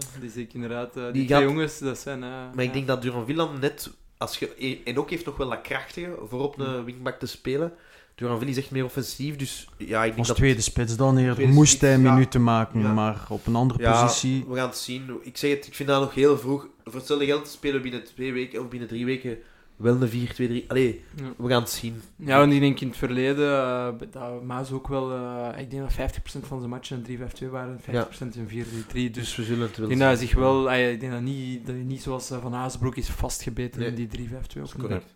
Misschien even los van sportieve. De vraag via het forum kwam van eh, forumlid Boka. Wat is de mening over de nieuwe truitjes van Anderlecht? Ik moet zeggen, ik vond vooral die witte wel iets hebben. Eh, ja, voor mij, truitje is een truitje, ik krijg daar niet zoveel belang aan. Lokaal wat je krijgt. ik zie het weer. Eh, ik vind, Zolang het maar Union is, ik dan... vind die paarse... Ja, je bent wel content met de, de Tom is wel content met de nieuwe trainingen. Geel, geel, paars of wat is het daar. Nu nog blauw-wit erbij, hè? Ja, nee, maar... Eh, Direct in alle maten besteld. Maar ik vind de truitjes wel oké. Ik vind de witte inderdaad zoals het moet. En de paarse, ja. Ja, het gaat altijd beter of minder goed zijn, maar het blijft paars en wit. die van vorig jaar waren misschien iets mooier, maar zoveel verschil zit er niet in, hè. Ik ben eerlijk gezegd wel benieuwd om het paars in het echt te zien. Ja, dat is Want, waar. eh, het zou- het zou- ik denk dat het wel zou kunnen meevallen, zo die, als ik het goed gezien heb. Het is zo'n beetje, ja. een beetje Feyenoord-achtig, nee, links, rechts een, een Ja. ander kleurpaars. Ik ben wel benieuwd om het te zien. Kan tegenvallen, kan meevallen. Ja, kijk, ik, ik, nee, nee, dat is zoiets als, als jonge gast koopt het truitje. Ik vond de witte van vorig jaar, als ik dan nog ergens zo in, in afslag ga kopen, ga ik me wel aanschaffen en zet ik er nummer 4 company op. Voor de, voor de memoires. Maar de witte van vorig jaar vond ik echt extreem knap. Ah, ik Dat vond motief. vooral, eh, vooral de derde truitjes vorig jaar Heel vond ik, mooi, eh, heel Ja. mooi. Dus de witte, per- witte was persoonlijk minder een smaak, maar inderdaad heel Maar veel ik, vind het vooral die- belangrijk dat, dat wit-paars, dat dat behouden blijft. Ik zou graag die witte met paarse broekjes zien. Inderdaad. het Eigenlijk zou het leuker roken. zijn moesten we thuis in het wit spelen. Ja, We naderen stil aan de einde van de, of het einde van deze marathon-uitzending. Ik weet, Kenny, dat jij nog een aantal topics Oh, hebt. uiteindelijk hebben we er al veel be- behandeld van de vraagjes van het forum, waarvoor dank ook voor de luisteraars. Ik vind het wel nog een leuke uitsma- uitsmijter om even weg te gaan van licht. Vinden jullie eh, voor company zijn de Burnley een goede keuze? Ja, zeer vreemde keuze. Eh, familiaal natuurlijk te begrijpen, maar... Dat eh, zou niet meespelen. Tim. Ja, het zou niet meespelen, maar het zal wel voor een deel meespelen. Ehm, maar in zijn, zijn interview zei hij dan dat, dat hij eh, aanbiedingen had van mooiere ploegen, maar dat hij dan voor het project van Burnley gekozen had. Ehm, dat moet een zeer mooi project zijn, blijkbaar. Maar het is toch vreemd dat hij hem gaat eh, verlagen tot, tot Engelse tweede klasse, wat dat totaal zijn voetbal niet is. Hij krijgt daar natuurlijk wel weer de sleutel. Het lijkt op elk gebied hè, dat hij daar gaat kunnen beslissen wat er, wat er moet gebeuren in de reorganisatie. Gewoon, ik denk dat er ook de opportuniteit is om onmiddellijk terug te promoveren naar de Premier League. En eigenlijk in plaats van dat hij kiest voor een ploeg uit de middenmoot ergens in een grotere competitie, kan hij eigenlijk opnieuw voor een titel gaan spelen in, tussen aanhalingstekens, een grotere competitie als de Belgische. Ja, dus ik denk is dat dat misschien wel de drijfveer is. Hij blijft bij de top spelen, ook al is het Championship.